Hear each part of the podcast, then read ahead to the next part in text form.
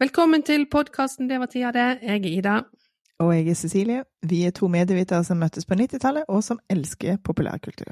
Nå ser vi gamle favoritter om igjen, og i dag er det tid for Runaway Bride. Ja. Ja, vi har jo Dette er siste avslutning, vi lover. Siste bryllupsfilmen på en stund. Det, det, det var kanskje ikke det beste valget. Vi, liksom, jeg ble så begeistra av eh, Julie Roberts. Uh, Ja. Men men dette er jo en rar film, Ida. Ja, det er en rar film. Jeg Ja. sleit sånn med å Det som skal sies, da jeg nevnte var jo inne på en tidligere på det her, at jeg aldri har vært noe begeistret for Richard Gere, og syns han Ja. har bitte små øyne. Det har han også her. Men Ja. han er jo veldig sjarmerende her. Ja ja, han pleier å være sjarmerende. Ja, nei, men jeg har, fått, jeg har hatt sånne ni på han alltid. Så, men eh, han, han vokste litt eh, på noen ting. Ja, altså nå liker du myndefjes. Nå er du Nei. liksom uh, Nei, jeg liker ikke, jeg myndefjes. Jeg skulle inn i en butikk i dag, og der sto det en dame med mynde. Da måtte Ja. vente til damen med mynde var ferdig i den butikken. Du-. Du liker jo heller ikke hund, så det er vanskelig å liksom Ja, I hvert fall ikke mynde i butikk. Nei, de er, de er uberegnelige, de der myndehundene. Ja, de er det.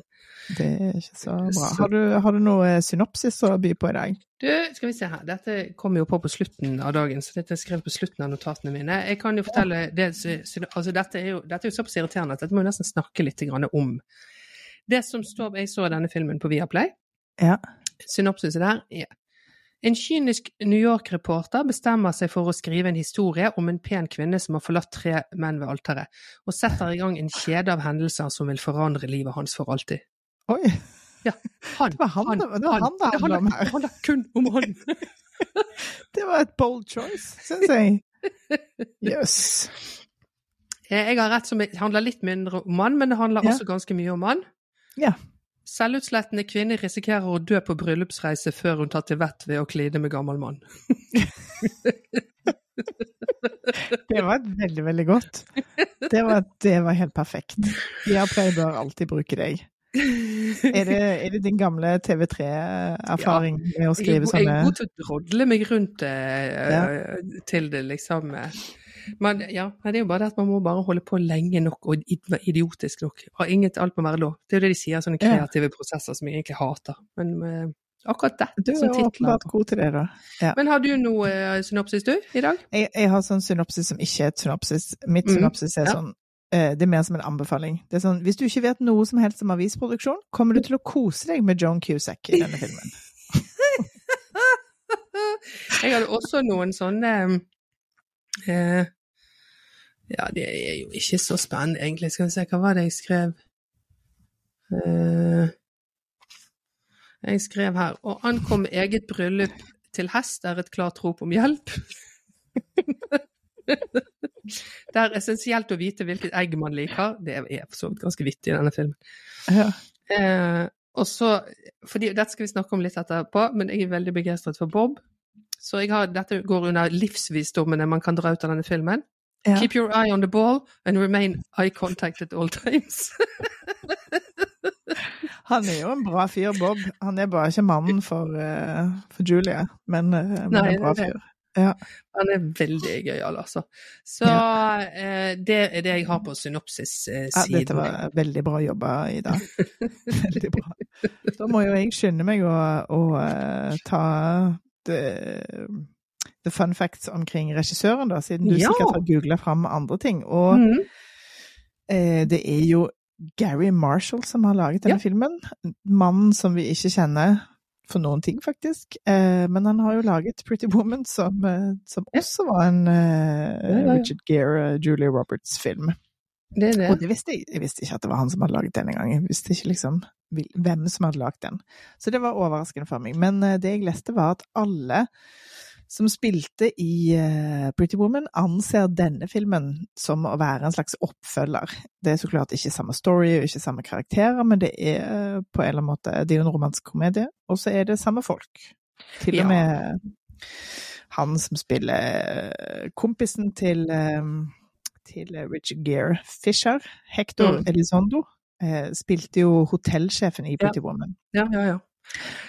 Det er jo eh, Det jeg leste opp da, eh, var jo at denne filmen hadde jo så utrolig mye det, det var så mange runder. De holdt på siden 92, så surret dette manuset rundt Yes. i, i Hollywood. Og da var det en del eh, I 92 så var det snakk om Gina Davis og Harrison Ford. Neimen. Ja. Ja. ja. Det må jeg bare liksom på en måte smake litt på. Jeg kan jo se Gina Davis har jo litt av den samme Ja, eh, det. utstrålingen. Ja. Men Harrison Ford, han er jo så avtent, liksom. Avskrudd som type. Ja, han kan jo være sjarmerende, han også, Ja, altså. Veldig sjarmerende. Ja, Ja. jeg har en Harrison Ford-crush akkurat nå, faktisk. Ja. Fordi jeg liksom ramla ut på en sånn dum eh, Apple TV-serie med han. Og eh, kommer jo til å se den nye Indiana Jones-filmen, fordi det må man. Det må man jo. Så. Eh, nei, så jeg tenker ikke det er helt sånn off, akkurat det forslaget der. Så, så døde det hen uh, uvisst av hvilken grunn. 96 så foreslår de han for Sandra Bullock, det blir ikke noe av. Og så tenker de nei, men kanskje vi skal gå litt yngre, så da blir det foreslått Ben Affleck og Tia Leoni. Oh. Oh, det var en stinker. at det, altså, det hadde Dobbel stinker. Nei, det hadde ikke vært noe. Og eh, her eh, sier Ben Affleck nei, det skal vi alle være glad for. Ja. Og da kommer denne tanken om eh, Richard Gere opp igjen, og, eller opp eh, der, og han sier Han har fått manuset før og sagt nei, men så har de gjort litt med manuset. Så han sier ja, det er greit hvis dere får med Julia Roberts. Får med Mhm. Julia Roberts, eh, og så vil de ha han regissøren. Eh, han har sagt nei. Han skal på ferie med sin kone. De ringer han, og han sier fremdeles nei, det passer innmari dårlig. Vi har bestilt tur til Australia, jeg har ikke tatt henne på ferie på alle de år. Hun fortjener denne ferien. Og begge to er på telefon og sier 'la oss få snakke med henne'. Så Julia Roberts og Richard Gere snakker med konen eh, til eh, regissøren der og overtaler henne. Så hun har en liten rolle i filmen, datteren har en liten rolle i filmen. Alt dette for å liksom veie opp for denne manglende Hvem er det Australia. Eh, eh, datteren er eh, hun single cousin Cindy. Ja, det. Ja. Og konen er bare inne i den bryllupsbutikken. og Det er hun som den ungen gjemmer seg bak. ja, ok, ok. Ja. Ja, dette var bra Google. Ja, ikke dette bra, Google? Ja, Men han er jo altså, Ikke nok for at han har også laget Pretty Woman, men han er sånn eh, stødig screwball romantisk komediefyr. Han har Mm. laget eh, Overboard. Mm. Husker du den med Goldie Hawn og Kurt Ja. Russell? Ja. Ja. Det er en film som jeg likte og egentlig har sett ganske mange ganger. Den mistenker jeg ikke har overlevd tidens tann. Det tror jeg ikke. Frankie and Johnny. Frankie and Johnny. Husker ikke er det? det Det, eh, er med eh, Michelle Pfeiffer og eh, Scarface. Keanu Reeves? Oh, nei, nei, what's his name? Det er da med eh, Hva. Faren. Scarface. Al Pacino? Takk. Er det ikke de to? Det Se på sånn kjøkken. Kom. Michelle Pfeiffer er sånn sliten servitrise. Å ja, ja, ja, ja, ja, ja, nettopp. Ja. Jeg trodde det var Laura Dern, men da tenker jeg på en annen film. Ja, da tenker du på en annen film. Eh, og Beaches, det- som jeg er veldig glad i. Jøss, ja, det var jo Midler. veldig mye bra. Stødig fyr. Stødig fyr. Ja, ja. Men ikke, ikke noe ego. Ikke noe stort ego. Åpenbart ikke. Han vet vi ikke hvem er. Nei. Ja, ok. Dette, dette er ikke en film som er like god som Pretty Woman eller Beaches, kan man si. Eller Frank and Johnny. Hva slags film det nå enn er. Men uh, Det som er, det som er mest irriterende eh, Nå eh, får man vel tenke at de, de fleste av våre millioner av lyttere har Ja. hørt eller sett denne filmen før eller vet hva den handler om. Men den selges jo inn som en screwball-komedie. ja. Det tar jeg personlig offens av. For hele poenget med screwball-komedien på 30- og 40-tallet var jo disse sterke kvinnelige karakterene. ja. Not so much Nei. her. Og at den er litt sånn subversiv mot den vanlige, den, den romantiske komedien, eh, eller en romantisk film som sådan. Så var jo Skruballkomedien snudde alt litt på hodet, var litt satireaktig og hadde sånn tongue in cheek på de tingene. Nei. Nei. Ja, denne filmen skuffer på, på flere punkter. Ja. Ja. den. Jeg ser at den forsøker å være litt screwball-aktig. Den forsøker å være litt sånn uh, rapp i kjeften. Ja, for den er litt sånn kvikke- tøysete, og så folk faller, og altså det, den Jeg har den screwball-aktige, litt sånn kjapp i replikken-biten. Men det underliggende, den sterke kvinnen og den der kjønnskampen, den er jo helt lagt opp på overflaten der han uh, Vi får ta det når vi kommer til det. Men altså på, jeg er fornærmet på screwball-komediens vegne. Ja, Nå kommer det en liten sånn fizzy pop her, for det er så varmt, jeg må drikke vann Ja, det er viktig. Mm, ja ja. Nei, men denne Men- filmen, eh, som du sa, handler jo om Julie Roberts som er en runaway bride. Ja. Og om Richard Gere som forsøker å lage en sak om henne. Ja, Denne og sjangerforvirrede journalist som han er. det, det er, dette er jo ikke første gang vi snakker om en film der, eh, der en av karakterene er journalist, og at Nei. det å være journalist er noe å aspirere etter. Ikke sant? Det er jo veldig gøy. Det, og denne type journalist skal man i hvert fall ikke aspirere etter å bli. Det må jeg si. Fordi Ja, for han er eh, jo ikke det. Han har jo en, en sånn eh, column, liksom. ja, han er spaltist. Ja. Han. er spaltist. Ja. Så, sånn, litt sånn lett spaltist, virker det som. Eller litt sånn eh, Det som kommer frem etter hvert når han blir anklaget av diverse kvinnelige karakterer, er jo at han bare liksom, han liker å slenge Han slenger drit om kvinner. Ja, han er Um, Facebook-høyre, liksom. I ja. spalteform. Ja, litt sånn. Og tror du forresten, dette har ikke jeg hatt tid til å google, men er det usannsynlig at deler av finansieringen til denne filmen kom fra USA Today? Mhm. Altså, den avisen får så mye plass. I en vanlig sånn så kunne man jo lage et sånn eh, Ja, sånn Horten tulleavis. Arbeiderblad-akt. Altså ikke så lage sånn fluffy fluff eh, Ja, men det at det er USA Today hele Mm. tiden, og, og det er bildet av at absolutt alle i Amerika på tvers av klasse, kjønn, alder leser denne avisen, som var jo det de ønsket å være, sant? Ja. Fins de fremdeles, egentlig? Aner ikke. Har ikke forhold til. Nei. Men de, de blir jo ikke på den måten portrettert særlig positivt på, av liksom flere Nei, men det var ikke de så opptatt av å være heller, de skulle bare nå alle. Altså, det var jo Ja. sånn Se og Hør i avisform, eller med litt Ja. mer politikk og sånn, men det skulle være sånn lett og skulle, folk som ikke Avis for de som ikke leser avis. Det er jo så mange sånne scener der, der det er bare sånn kuttet mellom masse, masse mennesker som leser samme spalten og reagerer på det, eller de bare leser Ja. for å få oss videre. Ja. Jeg tror de var ganske fornøyde i USA Today med denne filmen. Ja, nei, det var et godt spørsmål. Det Men se, for det var jo den gangen i så fall så hadde det jo vært smart av USA Today å ha redaksjonen et annet sted enn midt i New York. Jeg vet ikke om den er det i virkeligheten òg, er den helt sikkert. Men, eh, ja, det vet De siste, jeg ikke. de siste 20 årene har jo lært oss at, at eh, det kanskje er smart å Hvis du skal liksom eh, vinne en bred, bred folkelighet, og eh, ha hodet et annet sted enn i New York. Det hadde de ikke lært av, da. Nei, det hadde de ikke lært, men det er kanskje Ja ja, nei, men det er jo liksom Filmen holder jo på med det, og kjefter på New York for å være så teit Ja, ja, og ikke skjønne noe som helst. For å ha tassels on their loafers. Virker helt ryddig kritikk. Ja, det er ryddig kritikk, men det er liksom Jeg lurer på når har det vært inne, eller liksom stilig på noen som helst slags måte. Det, Jeg har, det har vært perioder, og det har vært sånne steder jeg har jobbet, at det har vært sånn Hvis du har litt sånn casual jobb, at det er sånn ja. hakket forbi joggesko er sånne dumme Og loafers, for et ekkelt ord. Loafers er altså det ekleste jeg kan tenke meg, som sko og som ord. Altså, jeg, eh, fun fact, jeg hører på en sånn svensk eh, motepod, eh, ikke nå lenger, men da jeg bodde i Sverige, så gjorde jeg det bare for å irritere meg over de som snakker, og de insisterte på å kalle det for loofers. det Og jeg bare, Det heter ikke loofers, det heter er sånn som du vasker ryggen med i badekaret. Det er en lufa. Så jeg skrev inn til de flere ganger. og korrigerte dette, som de bare ignorerte. Så jeg hater òg loafers. Av mange, mange grunner. Skrev du brev, eller skrev du Nei, jeg skrev jo på, skrev liksom, på Instagram. Jeg skal sende klage til Posten, og det å finne ut av hvem man skal klage til, er altså Det er helt umulig. Og det er ikke noe Ja, det, det er Vil du opplegg. snakke deres med vår chatbot? Nei, det Nei.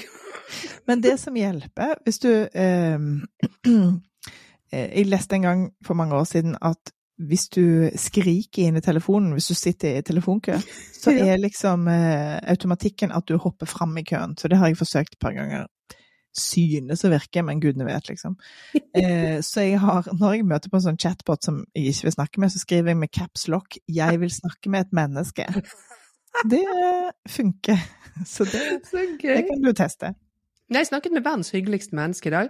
Ja. Jeg skal snart komme til denne filmen, altså. Men vi har jo vært eh, borte på ferie en bitte liten uke. Jeg hadde bestilt noen greier til balkongen. Noen sånn eh, espalier-ting. Ja. Jeg tenkte det kommer ikke fra Danmark, så det, var sånn, det kommer ikke før. Jo da, det kom fryktelig fort, det ære være de. Men Ja. da plutselig så kom det nå på fredag mens vi var på hjemreise. Ja, din pakke vil bli levert i dag mellom 19 og 20. herre Jesus. I fellesferien. Ja. Eh, og jeg prøvde da å fortvilt å få sendt beskjed inni inn, inn denne der appen, det går ikke an å si, ja. men vi er ikke hjemme i dag. Så Nei. da kom det opp en sånn her, eh, feil, butikk slash eh, dør var ikke oppe. Nei, eh, hallo. Og så snak- snakket med en dame på posten, og så sier jeg, men hvorfor, hva er det, hvorfor er denne pakken annerledes? Vanligvis får du sånn valg.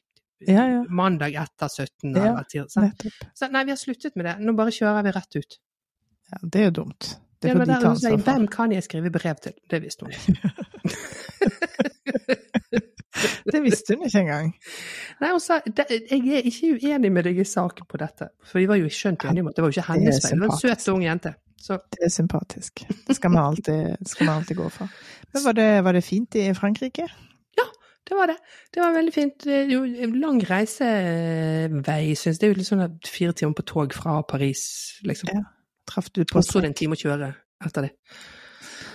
Så litt sånn, Men når man først er vel er der, så er det en veldig sånn leks liten øy som man kan dasse rundt på, og det er strender overalt som jeg ikke er så begeistret for, for det er sånne eh, hardcore strender uten sånn solseng og parasoll. Ja. Og, og veldig langgrunt. Får ikke gjort noen Men- ting. Basseng. Topp. Ja. God mat. Topp. Men, og det var ingen streik på veien? Det var ingen strekk. Så, så største sånn irritasjonsmomentet var jo å reise hjem eh, via Charles de Gaulle. Det er altså så røft. Det er pyton. Ja. Det er Der vil jeg også gjerne skrive brev, men jeg tror ikke det hjelper. Men gå til sånn SAS-inntrekk, så er det sånn bag drop, står det. Ja. Der kan man topp. Og så gå til sånn automat og få satt på, på sånn label på, på kofferten. Supert. Og så innser du at nei, det er ikke bag drop, du må gå i stå, stå i en kø for å gå til en dame. Eh, milelang kø, for det går akkurat samtidig fly til Oslo, Stockholm og København. Ja. Så det Ok. verdens lengste kø, og Ja. ingen kunne gjøre self-service som kommer fra flyplasser der man jo er vant til å drive med det. Det er det. Men det er Skandinavia. Det er En av fordelene med at vi har altfor høye lønninger, er at det finnes, en, det finnes et insentiv til å spare bort mennesker. Det er Ja, det faktisk si. en fin ting. Ja. Mm. ja det er deilig, altså. Ja, men men er jo, nei, absolutt eh, fornøyd med det, altså. Ja. Du, skal vi ta en kjapp liten uh, oppdatering på din hageferie før vi går til uh, bryllupsbonanzaen? Ja. Nei, det var en helt fantastisk hageferie. Eh, søsteren min hadde jo styrt og ordnet og bestilt kjempefine hoteller og ordnet fin mat, og altså, det var helt luksuriøst. Og masse, masse mager. Nei, hager. Ikke mager. Nå gjør, nå gjør jeg en liten Ja, jeg gjør en liten sånn faste ting, så jeg er litt sånn svimmel. det, vil ikke snakke om det. Jeg kan snakke om det neste uke. Ja. Eh, når, jeg, når vi ser om jeg har Mm. overlevd denne fasten. så, men det var veldig fine hager. Jeg var så glad for å komme hjem igjen. Ja. Som jeg jo alltid. Det er jo det helt topp. Helt topp hjemme. ja, det er helt topp hjemme. Ja. um, Så alt er fint. og hagen hadde overlevd og fått eh, godt med regn i mellomtiden. Ja, det regnet jo hver dag, Ja. så det er jo fantastisk. Det skal òg regne nå, så jeg har liksom gjort alle forberedelser, mens å sitte og se på det der kartet på Yr, der de der blå skyene bare kom, nærmer seg, nærmer seg, og så kommer de hit, og så svinger de unna. Det er jo egentlig en fin ting at man ikke har masse regn, Ja, det er jo det. men ikke nå. Nei, det skal jo regne mye nå i flere dager, tror jeg. Så. Ja, det skal det. Så det blir sikkert en god rotbløyte. Nu vel. Men Nu vel. eh, første gangen du så denne filmen, husker du det? Den Ja, kom jo i var- 99. Det var i dag. Du, du hadde ikke sett den? Nei. Nei, nei, nei. nei. Så det, det jeg får ta ansvar for denne filmen, rett og slett. Jo, men når vi drev med sånne, sånne bryllupsfilmer, sånn, den er jo sånn som dukker opp hele tiden i sånn Ja. Nå Når jeg har sett så mye sånne filmer nå, så er jo Netflix vil jo at jeg skal se flere sånne. Og Ja, ja. Play vil det, og TV 2. Alle vil det. Ja. Um, så den ligger Jeg har jo coveret veldig sånn klart i hodet. Ja.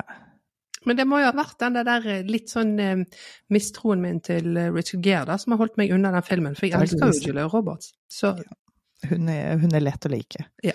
Og det er jo et slags spill på, Pretty Woman på plakaten der òg, fordi hun sitter med sånn joggesko på seg, og på Pretty Woman-plakaten så hadde hun disse Mm. liksom berømte Det som nå bare kalles horestøvletter. altså støvletter som går litt sånn slapt over, eh, over ja, kneet, liksom. altså. Ja, det er stygt. Ja. Pluss at man skal ha ganske tynne lår for at de skal ligge så slapt. Ja, selv da. bare ser for meg at den blir som pølse. Som Ja, og jeg har jo så tjukk legg, så det står bare der. Veldig mye skrok på legg. Men så du dette, så du han på kino, du? Jeg så han på kino. Jeg er jo så glad i romantiske komedier. Mm. Jeg har ikke sett han siden, så det sier jo egentlig litt om at jeg likte han ikke Ja. da heller, for jeg pleier å se alle ti ganger. Ja, og den gangen man hadde sånn eget arkiv hjemme og sånn, så hadde jo dette Ja. hadde, Det hadde ikke vært usannsynlig at dette var en av de du hadde. Eh, nei, sånn teoretisk sett. Mm. Ja. Jeg hadde masse romanske komedier på Mm. DVD som jeg nå har gitt vekk, så klart, men eh, aldri denne. Og det, det skjønner jeg hvorfor når jeg ser den igjen. Ja. Ja. Ikke sant. Så. Jeg, altså det skal sies, siden jeg jo ikke har noe sånn eh, har sett før-følelser, da. Mm. Så um, så jeg, ja, jeg, jeg trodde at jeg skulle eh, kanskje synes det var verre, men det er det at jeg blir så blendet av Julia Roberts at det, det, hun kan nesten sitte og lese telefonkatalogen til meg.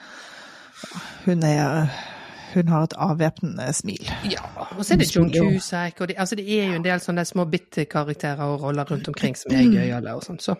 Altså, John Cusack er jo helt fantastisk, og Ja. filmen har jo lyst til å være morsommere enn den klarer å være. Ja. Så man kan jo liksom, hvis man er på god side, så kan man jo leve seg med i det. Det er akkurat det. Men den er problematisk, altså, det vil jeg hevde. det er så slapt, liksom. Ja. Slapt tenkt, vil jeg si. Det er, slapp, det, det er akkurat det, den kunne vært så mye bedre. Ja. Mm. For det er jo, et, det er jo liksom et medrivende opplegg. Mm. Med denne kvinnen som flykter fra alle mennene som hun skal gifte seg med. Ja, og så klarer de liksom ikke å fange det ordentlig, hva det er for noe. Det, det er det som blir så slapt. Det Ja. blir bare til at og endelig var det en mann som så meg, og det var du. Ja, for de, de feiger jo ut der på slutten. Ja. Det tenker jeg er fordi at de, disse to eh, skuespillerne, og det blir en oppfølging til Pretty Woman, så må det liksom ende med en happy ending. Det hadde Mm. vært så mye bedre hvis det endte som i Take This Waltz, for eksempel. Der hovedkarakteren bare finner ut at hun må være alene. Dette Mm. hadde vært mer realistisk og litt sånn Ja, det hadde vært mye, mye bedre i dette tilfellet her. Spesielt i dette tilfellet, kanskje. Men spoiler. Eh, dette paret da som er de 18 år i eh, aldersforskjell. 20? 18? Nei, det er 20. Hun er født i 67, og han er født i 47. 49. Nei, unnskyld. Ja, ja, jeg har skrevet feil. Vet du. Jeg har skrevet hun er født i 69, og han er 49, men hun er jo 67. Hun er 67. 18. Det er det. 18 år. Ja. Uh, og det er jo det er mindre problematisk her, når de er 32 og 50, enn når de er 23 og 41 i Pretty Woman. Ja, jeg syns ikke du det var problematisk der. Eh, nei, sånn kan jeg ikke huske. Jeg, jeg, for jeg, jeg er ikke i den Pretty Woman-campen Nei, eh, Du er ikke så av glad i den grunn, da. Det er jo veldig gøy når jeg sjøl har skaffet meg som gammel mann. Ja. For jeg har alltid syntes, har alltid Det syntes det var så ekkelt med aldersforskjell.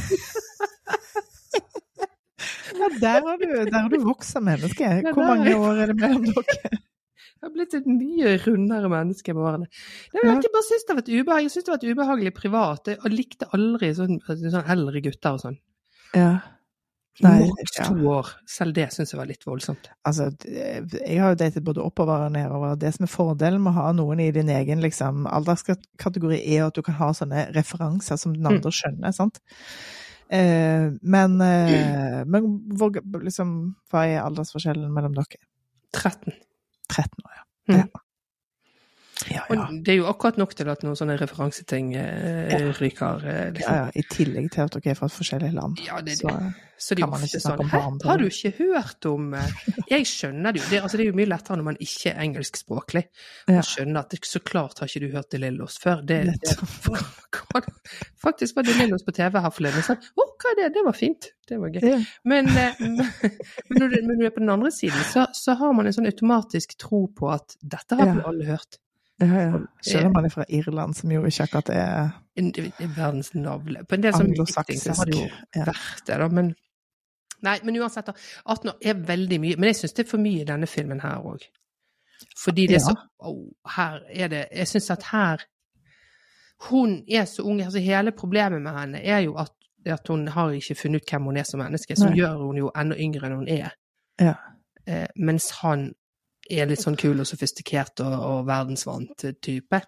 Ja. Eh, som gjør han òg selvfølgelig gråhåret og Altså, det er bare mm, Nei, nei, nei, får man lyst til å si. Ja, ja, og det at han liksom finner ut hvem hun er og forsøker å speile henne så jævlig, det blir jo nesten som en sånn grooming-sak, Ja, liksom. Ja, Og han gjør jo akkurat samme som disse andre Etter. gjør, og det er bare å si 'nei, men endelig så noen meg'. Eh, det er vel det som akkurat har skjedd alle de andre gangene. Nemlig. Nei, Så hadde det ikke vært for de der tre minuttene der hun står og spiser tusen typer egg for å liksom skjønne hvilket menneske hun er, så hadde det bare Så hadde det vært en ubehagelig film. Men, Og skal vi eh, snakke litt om det? Fordi jeg har googlet, den scenen fantes ikke.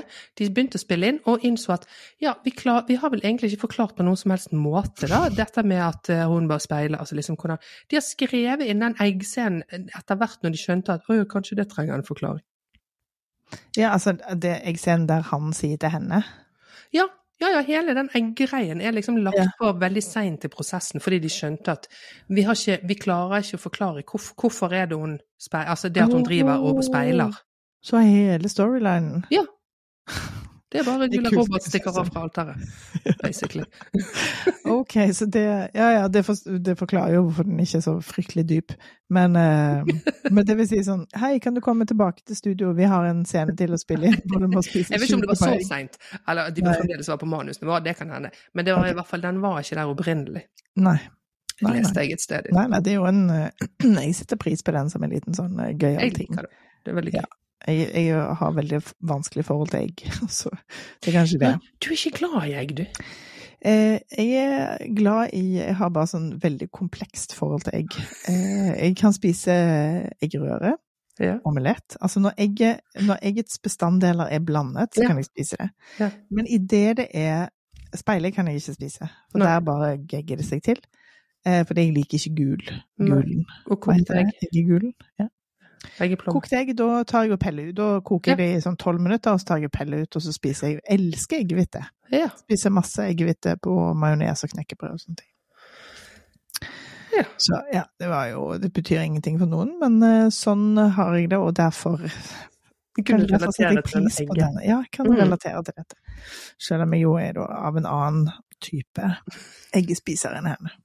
Men ok, nå har vi snakket i 30 minutter om, Om, om jeg, om alt annet enn filmen. Ja, vi kan, eh, vi kan snart komme oss inn i filmen. Det, kan, det er jo ikke sikkert at vi skal snakke så dyp i dybden om denne filmen. Nei, det er mange scener som er forglemmelige her, det får man si. Men åpningsscenen er ganske fin. Da Ja. ser vi Julia Roberts til hest, som du sier. Dårlig. Det vi etter hvert skjønner er det tredje bryllupet, Ja. men det vet vi jo ikke da. Eh, der hun galopperer og går i en eh, hvit kjole. Ja, og ser seg bakover og ser helt så fortvilet ut når du etter hvert Ja. kommer tett på ansiktet henne. Og så synger U2 uh, I Still Haven't Found What I'm Looking For. Som er jo, Ja. hvis du skal, vi så trykke det litt godt inn? Det er veldig mye sånn uh literal music-bruk her. Ja. Men også mange, mange gode liksom gjen, gjenhør med klassikere fra Ja 90-tallet. Så det Det setter er jeg pris på. ikke noe galt med det. Nei. Eh, og så det Så kuttes det til New York, der eh, Richard Gere eh, går rundt i gatene og ringer til en eller annen Fisher og vil bounce off some ideas. Og da vi skjønner Altså, det, dette er jo Mm. eh, en god, god introduksjon her. Fordi det er en Og dette er jo veldig rart i New York. Altså, det er en arbeider, sånn veiarbeider, som vet hvem han er. Men det vi skjønner etter hvert, er at alle i New York vet hvem han er. For han har denne spalten i USA Today. Så han arbeideren roper 'Eik! Og når skal dere slutte å vekke meg om morgenen? Ja, nå spalten din slutter å være så kjedelig, og bla, bla, bla. Så er det litt sånn kjefting og sånn. Eh, så han er åpenbart sånn kjendis i New York, fordi at han går inn på en bar, og det henger Jeg gadd ikke henge meg opp i det. Så jeg Mark Twain.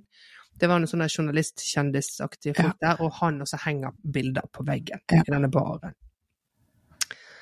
Ja. Der snakker han med, og dette er veldig gøy, med Sila Ward. Ja, Sila Ward, jeg elsker Som- henne. Ikke er Vet du hva hun er i denne filmen er titulert som? Nei. Pretty Woman in Bar. Hun har ikke engang fått navn. Det er Sela Ward, liksom. Ja, ja. Ja. Jøss. Kunne gitt henne et lite navn, syns jeg. Ja, det syns jeg. For hun har jo en lang pratesekvens der hun liksom prøver å de, de spiller dart i denne baren, som er veldig sånn tidlig på dagen at alle disse menneskene i sånn forretningstøy er på bar. Det er daydrinking. Men dette er jo liksom, dette er jo hans arbeidsdag, fordi han, eh, han Mm. klarer ikke skrive en spalte, forteller han henne. før i siste øyeblikk. Og før da siste øyeblikk så må han åpenbart gå rundt som en hodeløs høne og liksom kaste ideer på uskyldige kvinner i trafikken. Ja, og Silla Ward eh, setter han på plass på at det han eh, eh, med, hun sier et eller annet med at Well, I'm happy to inspire one of those bitter diatribe you like to write about women. Ja. Og det setter jo han, hans agenda på plass her. Han har en Facebook, som du sa, en Facebook-høyrespalte Ja. i den avisen. De har forresten sluttet veldig mye med det med kvinner. Har du lagt merke til Ja, altså i Facebook-høyre. Ja. Det er ikke så mye det lenger. Jeg øh, følger, følger litt sånn uh, halvveis med, må jeg innrømme. Jeg er jo god venn med noen i Facebook her, men ikke, ikke så mye. Så jeg, jeg klarer ikke liksom å sammenfatte deres agenda. Nei, kanskje de ikke har Kanskje det er mindre Facebook-høyre, mer incel-fest i, eh, Ja. i spalten hans. Skilt incel. Skilt incel. Ja. Så han har fått seg Han får nok ligge, han egentlig. Men han, ja, han har en sånn rar bitterhet til kvinner som ingen Han ble ikke psykologisert. Nei. Det hadde vært en film som hadde vært, å, hadde vært verdt å Ja, det, det kunne man jo absolutt ha fortalt. Ja. Eh, og så sier bartenderen, og så sier til hans For a good looking guy you strike out a lot. Have you noticed that? Og sånn. ja. Eh, men det er jo klart, denne bitterheten er jo lite sjarmerende. Ja, det får man si. Så. Men det fins jo en verre fyr i baren. Ja. Tvers over sløyfe, og som er helt manisk, og som tipser han om at den historien, da, eh, med Maggie Carpenter som Mm. bor i eh, Maryland, som dumper menn ved alteret. Ja. Eh, Og da blir han kjempeglad, Eik. Løp tilbake igjen og skriver en spalte Ja. Om henne. Og dette er, dette er så rart, fordi det er ikke det en spalte er eh, på noen måte. Det sånn, hvis du hadde vært en journalist, så kunne du da reist til Maryland og forsøkt å gjøre det som han gjør etterpå. Men nei, Mm. nei, han bare tar hennes navn og slår henne sammen med ymse liksom harpies i historien, Mm. som en man-eater. I den Det spalten han skriver. det syns selv i en romantisk komedieform, så syns jeg det var litt sånn rystende å høre at han brukte navnet hans sånn. Ja, det går jo ikke an. Det går jo ikke. Nei. Og så får han sin. Ja, ja, han får etterpå så får han sparken, men det er sånn, har denne journalisten sovet på jobb? Nei, det er altså redaktøren. Eh, fordi det er, jo, det er jo ikke som at spalten hans går sånn rett trykk. Det må jo være en eller annen form for eh, portvokterfunksjon. Men tror, tror du ikke at portvokteren er jo hans ekskone, så man burde jo liksom tenkt at den var enda mer streng, streng den porten. Liksom. Men, Definitivt. men eh, kanskje han har liksom vært så superstjerne så lenge at han, det, hans ting bare går rett gjennom. Og Ja. han har jo også sagt jeg leverer så seint, liksom. Sånn at han bare får lov å være sånn rett gjennom. Det kan være. Det kan være. Det er ja, for Han får jo sparken da av eh, Rita Wilson, som er Ja. altså hans ekskone. Veldig koselig å se henne, syns jeg. Ja, hun er fin. Ja. Hun er fin. Hun, er liksom, hun har ikke så mye å jobbe med her, får man si. Men igjen, altså, hvis jeg hadde vært henne, så hadde jeg, tror jeg hadde reagert når jeg leste den kronikken. Ikke når kronikkens offer skriver et brev og, og sier at dette er falskt. Mm. Eh, tenker liksom at det er brennbart nok, men kanskje de ikke har noe Vær varsom-plakat i USA. Kanskje det bare er sånn eh, kjør på. Det er er her jeg tenker at USA Today ikke fremstår sånn veldig proff. Nei, men det Men jeg tror likevel jeg tror det, det viktige er bare den der ser vi alle steder, alle leser oss. Ja, Det er viktigere. ja, antageligvis. Men eh, ja da, nei da, der blir det og så- Altså, han får da fiken Altså, nå er det jo krøssklippet sånn frem og tilbake til at jeg eh, litt. Ja. f- ja, Hail Maryland. Ja, jeg trodde det var Maine, men det er Maryland. Ja. Ehm, fordi at eh, Maggie her er da jobber for, i faren sin som jernvare. For det er Ja. krøssklippet tilbake med den lesingen av avis som alle i New York gjør, og leser høyt, masse forskjellige folk, og så kutter vi til Hale her, der folk der også leser høyt, og deriblant Joan Cusack. Eh, eh, Det er Joan Cusack og en dame med verdens rareste hår. Hun er litt eldre, ja. og hun har altså Jeg må bare pause med dette håret, fordi hun har en, en sånn ganske markant, tung, kort lugg. Ja. Som var veldig inn på dette tidspunktet, men ikke på den måten som hun har det. Og så har hun liksom flufet håret sitt bak i en sånn høy hanekamp. Mm. Litt sånn Kate Gulbrandsen eh, Ja, på, på 80-tallet i Melodi Grand Prix. Ehm, og, og resten av håret er litt sånn ondulert lagt. Det er veldig spennende. Hun heter Jane Morris. eh, hun her. Og jeg, har, og jeg måtte sjekke henne. Så man har sett henne litt sånn her og der, liksom. Ja. Sånn, eh, men ikke noe sånn voldsomt. Men det er veldig gøy, og det gøye er jo at John Cusack spiller jo liksom frisør og skjønnhetssalongdamen her. Så, og hvis dette er venninnen hennes Det fremstår jo som at det er en så liten by at det er liksom alle henger med alle. Ja, det er sant. Ja. Men uh, hun er, altså denne damen med håret er jo da kjæresten til faren til, uh, til Maggie. Mm. Uh, men når hun presenterer seg senere, så sier hun Mrs. Pressman, no relation. Og jeg finner altså ikke ut hvem i all verden hun skulle ha vært. Hvem er det som heter Pressman? Det er vel vært gift med en som er død, da. At de er enkefolk begge to. Ja, men det, i, I kontekst så fremst, fremgår jo ikke det at hun er liksom kjæreste med han. Det bare skjønner vi i resten av eh, filmen, liksom. Det er vel Og bare så vidt under den hula-hula-scenen at man tenker at da data de Ja. kanskje. Ja.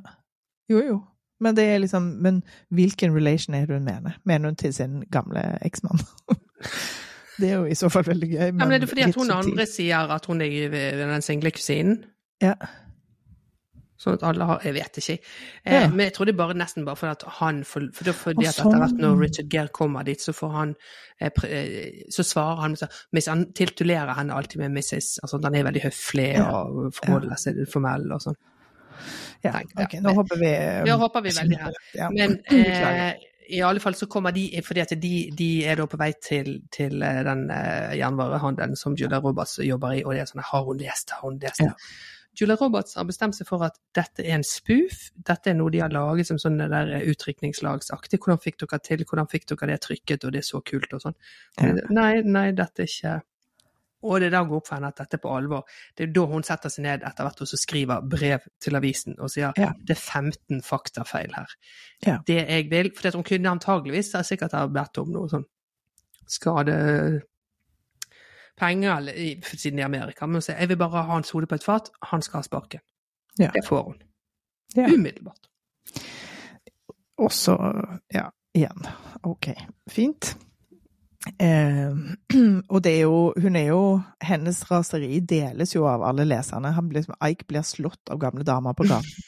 Sånn at det er jo Det er tydelig at alle syns at han har gått over streken her. Alle kvinner. Det er er, jo, liksom- det er jo en sånn kjønnsforskjell her. Ikke sant? Menn ler Ja. og syns det er gøyalt og sånn hø-hø-aktig. Ja. Eh, både denne spalten, men også ti- deres reaksjon på han er veldig sånn. Mens kvinner slår han med aviser.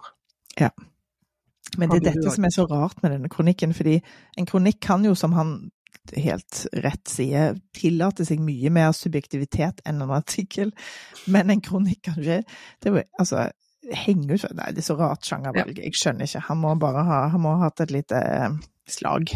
Ja, det, Det det, han var jo lat. Det er jo latskap. Det er jo det det ja, Det er Dårlig sant. jobben sin. Ja, han er gammel og treig. Ja, ikke sant. Og, og, har den der alt er lov-holdningen, eh, liksom. Ja. Eh, skal vi se, hvor har vi kommet der? Eh, Han får sparken, og Maggie og eh, forloveden hennes, som vi nå treffer for første gang, de fryder seg voldsomt. Og han som hun skal gifte seg med, heter Bob. ja. Og er altså sånn en friluftsfyr at jeg får helt eh, Jeg lo så godt, Jeg blir så sliten. Det fremkom jo seinere at de skal gå liksom eh, Annapurna, jeg vet ikke helt hva det er, jeg. Men det, Det er det fjellet som er ved siden av Mount Everest, som vel er Er det sånn at det er litt lavere, men vanskeligere å gå? Noe sånt.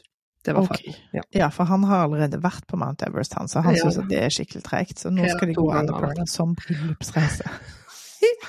Altså, men jeg elsker alt med Bob her. Og Bob er jo eh, Hva heter han da? Christopher Maloney. Han er jo har vært i Law and Order i 100 000 år. Ja, han er en streit, streiting. Ja, og der, der er han også noen ganger sånn snev av morsomt. Men Ja. her, jeg syns han, han er god her til å være vittig. Han spiller rollen sin så godt som den overhodet kan spilles. Ja, han har heller ikke mye å jobbe med, men han Men gjør det det han bra. har, tar han for seg. Fordi eh, det, det som jo filmen er veldig utydelig på å fortelle, er at hun, som etter hvert kommer frem, da, siden, siden dette er da hennes fjerde mann hun skal gå på til alteret med, er Ja. at hun speiler de så voldsomt at hun utsletter seg sjøl fullstendig. Hun bare tar opp deres interesser, deres, og da de eggene som vi snakket om, liker de sånne egg, så spiser hun sånne egg. Og her, da, ja, skal vi klatre i fjell? Ja, da skal vi vel klatre i fjell. Det, Ja. Sånn er det. Eh, og ikke har, Hun har ingen kjerne, liksom. Ja. Ibsen burde snakket om henne. Snakket om henne. Det var helt uten kjerne. Ja. Uh, men her i denne situasjonen her, så er det han Kristoffer Bob som er fotballcoach og klatrer. Og han hadde en veldig Dette ser så mye om den. Han, det første vi ser ham, han står med ryggen til og pakker en ryggsekk. Og bak på T-skjorten hans står det 'Mountaineers do it against the wall'. Som er som, utrolig umorsomt, men veldig morsomt. Jeg syns det er veldig gøy. Jeg lo kjempemasse av det. Det er så dumt, liksom. Men det sier så mye om hans karakter. Altså, han er en helt sånn straight up sportsfyr. Ja. Eh, Ja. Så da blir hun også det. Da blir hun også det. Og man merker jo helt fra start at hun er ikke superengasjert i det. Men sånn kan det jo være med par. At man liksom lar folk ha greiene sine. Men akkurat bryllupsreisen tenker man jo at man bør finne noe som begge to er interessert Ja, I hvert fall noe som er livsfarlig, tenker jeg kanskje at man kan eh, Hvis det er sånn ok, jeg kan bli med på fire museer, eh, det er greit, liksom. Det er jo en ting. Ja, det er flaut å dø på bryllupsreisen sin. Det må man unngå hvis man, eh, hvis man kan. Helt uerfaren klatrer døde i dag på Det er veldig dumt. Det er veldig dumt. Åh, ja. Åh, nei, Det er så det, Men Hector det, Elizondo ja, så det, og hun er superhappy med at han har fått sparken, og de, de koser. Og det ser ut som de er ganske lykkelige sammen her, liksom. Kutt Ja. til Ike som sitter alene i sengen sin med en pakke med Cheetos. Ja. Den mannlige versjonen av iskrem, åpenbart. Den mannlige versjonen av iskrem. Ostefingre. Og han får en, han får en telefon fra, fra Fischer, som da er Hector Elisondo, Elizondo, som er hans kompis, fotograf i avisen, og gift med ekskonen hans. Så det er liksom veldig komplekst.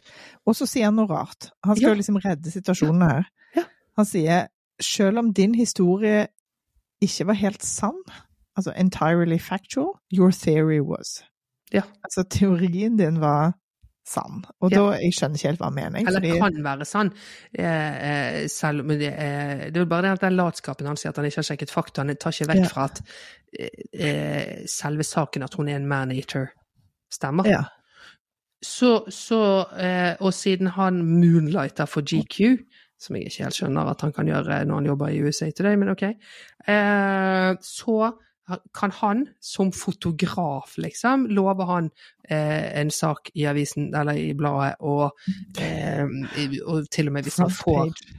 Front page, Ja. eh, hvis hun stikker av en gang til. ja.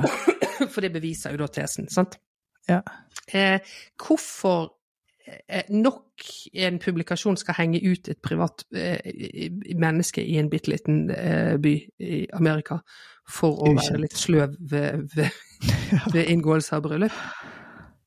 Det Men sånn er det jo noen ganger. Plutselig så er det noen som blir i eh, søkelyset av en eller annen sånn grunn. Ja, ja, altså hun der astronauten som var utro, eller ikke utro, sjalu, eh, Ja, ja, på han mannen astronauten og tok Mm. på seg bleie og kjørte over hele landet, hun tenker jeg på ganske ofte. Men det er også, og hun der er også, litt sånn gærne som fikk eh, syvlinger eller noe. det går meg hus forbi. Ja. Ja, det var, så, sånn er så, så, Men det får man bare tro at det er GQ hadde vært ja, det får vi bare kjøpe. Og så spiller de på, eh, på musikksiden, så er det Maneater fra 80-tallet, som jeg hadde på kassett, faktisk. En sånn samlekassett. Jeg får vel- så gode minner av den uh, musikken. Ja. Skikkelig Det er veldig eh, Ja da, vi skal klare å henge med. De svakhetene i manuset prøver jo de å bygge opp med musikk. Ja, ja. Klarer Det- ikke helt, men okay. Nei, de klarer det ikke helt. Og så er vi i Maryland, og det er helt rett som du sier, jeg måtte slå opp Delvis måtte jeg spole for å høre hvor de var, og så måtte jeg slå opp hvor Maryland var. Jeg trodde at det var Maryland turistboard som var sponsoren av denne filmen, fordi at det ser jo ut som Maine. Det er sånne fantastiske høstfarger. Ja. Men Maryland ligger da sør for New York, mellom Philadelphia og Washington DC. Så det er derfor han kan være sånn frem og tilbake, ja. Det lurte jeg litt på. Ja. Ja, ja. Det er bare en liten kjøretur. Ja. Eh, ja. og når han, da er Ike på vei i bilen sin, og når han da kjører inn i denne, bilen, nei, inn i denne byen, så tenker man er dette 1800-tallet? For det er altså så sånn et blikk på Det er sånn tre tvillinger som sitter i en sånn vogn der de sitter etter hverandre, som har like blå kåper og sånn pillbox-hats på seg, og ja. de er sånn to år gamle. Eh, så vi, vi, møter jo liksom bygda her på, på, alle mulige måter. Og alle er så lykkelige, og altså det, det er masse sånne snap-bilder ja. av, av, denne småbyen som er det, det, det er fremdeles små, lokale, sjarmerende butikker og altså alle disse tingene. Er en barbershop quartet på ja. torget, liksom. Det er det også. Det ser ut som Gilmore Girls-byen eh, Stars Hollow. Ja. Det er ganske likt. Og den er jo spilt inn i nord for, nord for New York. Det er faktisk territory. veldig likt på den byen og den casten, egentlig òg. Ja, ja. ja. Men alle her er rare. Resepsjonisten eh, skal også være rar på hotellet. Han står og spiller et eller annet slags VR-spill. Han har sånn Veldig tidlig VR, det har jeg notert meg her. Det var, jeg ble kjempeimponert av. Ja, men VR har jo hatt sånne bølger. Det var en sånn bølge på 90-tallet òg. Ja. Men her ser det ut som han har tatt en sånn sånn som man så lysbilder i når man var barn, på hodet. Ja. Så han skal jo se ut som en weirdo, det bare fremstår for oss som ganske moderne nå i dag. Ja. Eh, ja. Men uh, Og så kommer vi til en skjønnhetssalong der uh, han har funnet ut at, at, Maggie befinner seg fordi hun har hengt opp en lapp på jernbanen om at hun ikke er på plass på jobben sin. Eh, og hun ligger på gulvet og fikser en stol, eller smører en stol. Mm. Som man jo tenker at Joan Cusack kunne gjøre sjøl, men sier jeg, som har så bråkete, bråkete gressklipper som jeg akkurat har dratt rundt på her og bare tenkt denne burde jeg smøre. Så det, John Cusack er nok av samme typen. Ja, ikke sant. Og så sett, altså Det som er jo så underlig med, med denne rollen til uh, Julia Roberts, som er sånn helt viljeløs, er at hun jo også har utrolig mye kunnskap om en hel masse. Ja. ja. Hun er en jernvarehandler, Wizz, det får man si. Hun har sikkert ja. jobbet i den eh, butikken hele livet. Ja, men så hadde hun jo studert noe sånn industridesign og sånn, ja. som yes. kommer frem etter hvert. Ja. Uansett, hun ligger i hvert fall der, så han ser ikke henne når han kommer inn. Sånn at han, han prøver å sjarmere alle disse andre damene og hvem han er og sånn, og det er jo da eh, eh, hun, John Cusack, Peggy heter hun, sier er du en reporter? Og sier hæ, excuse me? In our experience, anyone coming in here with tassels on their loafers are a big city reporter. Og det syns jeg var gøy. Eh, som, vil intervjue, som vil intervjue Maggie om at hun fikk rasshølet from New York uh, fired. ja, det er gøy. Men det minner meg òg om glitterneglakken i Silence of the Lambs. ja. Som også er en sånn oh, big, big city girl. Mm. Eller City Girl-indikator. Eh, ja. Det er litt det samme. Hvis du ser noe med glitternegllakk og tassels på uh, loafersene, så, så, vet du at da er de fra New York, helt sikkert. Ja, det er jo det der som man alle vet om nordmenn. ikke sant? At hvis du, hvis du er litt usikker på om folk er nordmenn eller ikke, hvis du er i utlandet, så er det bare å se på skoene. Er det stygge sko, så er det nordmenn. De fleste andre land har mye, mye bedre stand på, på skotøyet sitt. Men ja. også en sånn byland-ting, selvfølgelig. Ja. Um, ja. Men, det, men, han, er, han er så utrolig avvæpnende hyggelig, for det gjør han jo ikke til det New York-rasshølet. For det hadde jo vært en, også en mer interessant film. For han går jo bare rundt og er drithyggelig med alle. det hadde jo i hvert fall skapt den der screwball-komedien, altså den der, den der eh, motstanden mm. mellom de to. For det, den fins jo der fordi han har skrevet denne kjipe spalten om henne. Men han er så mild i sin ferd rundt alle at det liksom helt undergraver at han er så angripende mot kvinner og uh, man-eater og sånn. Nei, det syns jeg ikke. Syns ikke det? Jeg syns han, er er supergrei med bestemødre og venninner. Han er jo liksom ja, er jo, Han er jo det for å, fordi han er på jakt etter informasjon. Han er jo åpenbart kynisk og mener ikke Han går jo rundt og liksom bare snerrer når den der barbershop-kvartetten eh, synger, og han er jo skikkelig kjip med Maggie ganske lenge ut i filmen. Jeg syns ikke Du har blitt sånn myndefjes til men, han er, nei, men han er så eh, Han sklir så lett inn i denne her eh, bygdebyen. Eh, der ja, de har all mulig grunn til å mislike han i starten. Ja. Altså, alle har jo kjempegod grunn til å mislike han, men det gjør de ikke. Nei. Nei, nei. Han eh, er flink til å late som. Men de får jo en liten hevn i eh, frisørsalongen der, fordi Joan Cusack tar og insisterer på at han skal få en hårvask, og mm liksom farge håret hans i fire farger. Og det Det er litt Ja. teit. Nei, det er vondt. Ja. Ja, det er Ja. teit. Det er ikke så morsomt. Nei, det er ikke det, altså. Det um, skal vi se her, hvor Og, så, er det og nettopp, nå kommer det bevis i samme scene. Så går jo han ut av butikken, hun løper etter han og skal forsøke å være litt sånn sassy, og så sier han 'jeg er her for oppreisning, jeg skal være her når du dumper han'. Mm. Han, er, han er jo ikke der for å være grei, han er jo der for Ja, å han, han, han, han har ikke noe eh, liksom animosity i stemmen sin. Han er liksom så, altså han er så veldig sånn level-headed i eh, Og også det at han er liksom helt åpen på det med henne. da. Og så I tillegg så, så kommer jo det informasjon her om at han som driver The Newstand, er også den lokale booken, og han gir åtte til én i odds på at hun ikke gjennomfører. så, og det ser vi jo i noen sånne der bilder seinere, sånn at for alle driver og vedder på henne. Så ja.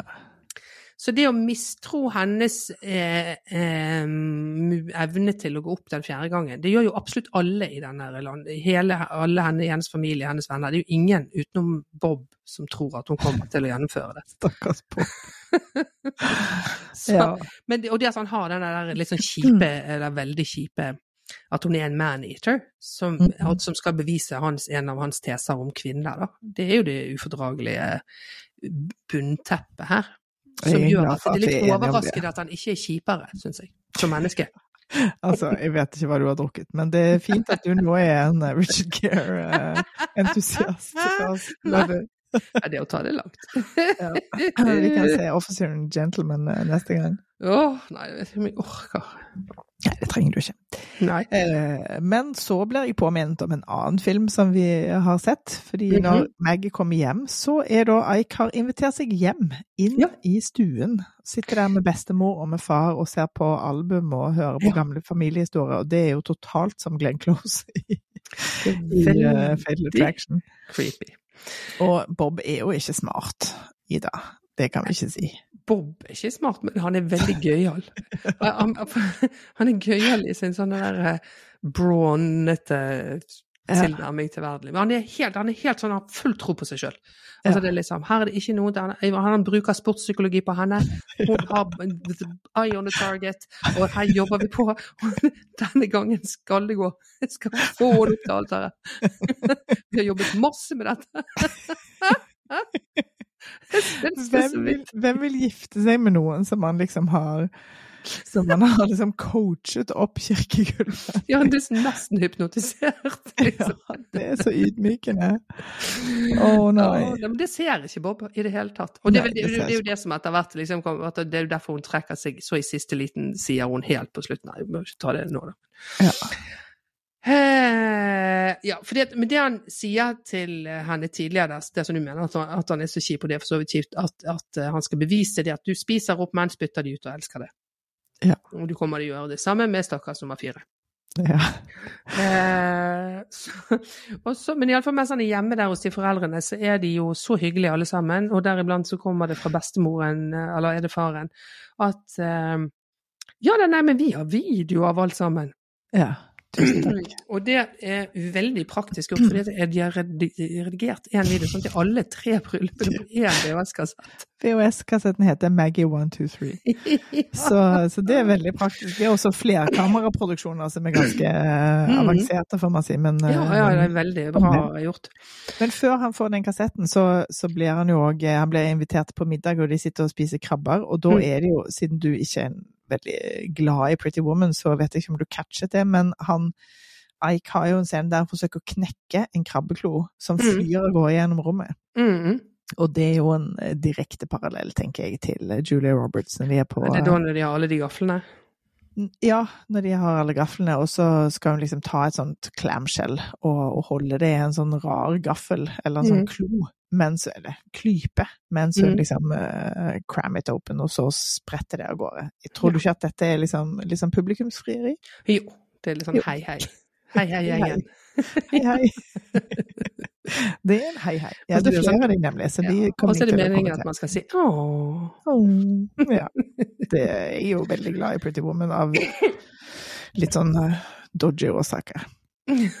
Så, så jeg gjør det. Ja, men Vi eh, må, disse kanskje vi må se Pretty Woman en gang, altså. Det må vi gjøre. Ja, kanskje vi må det. Og da er det jo alltid en fordel når folk har sett filmene vi, har, vi snakker om. Ja, det vi tilbakemelding Det er jo en mye viktigere film i sånn det store samfunnsbildet. Ja. Eh, mens Bob sitter her og sier That's right, Maggie. Just keep your eye on the ball. Eh, men um, han stjeler vel den kassetten? Jeg oppfattet det som at han stjal den. Å ja.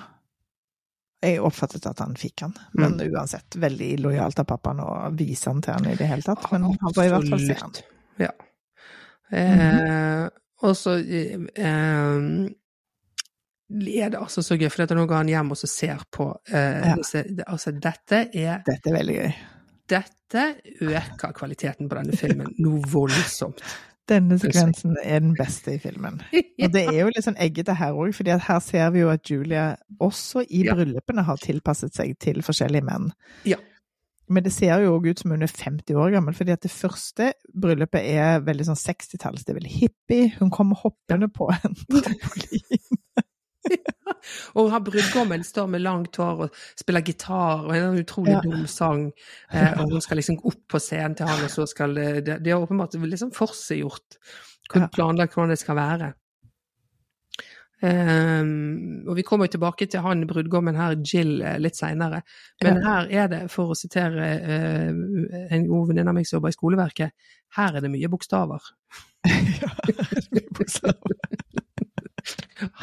Han Jill har fått Han har mange bokstaver bak navnet sitt.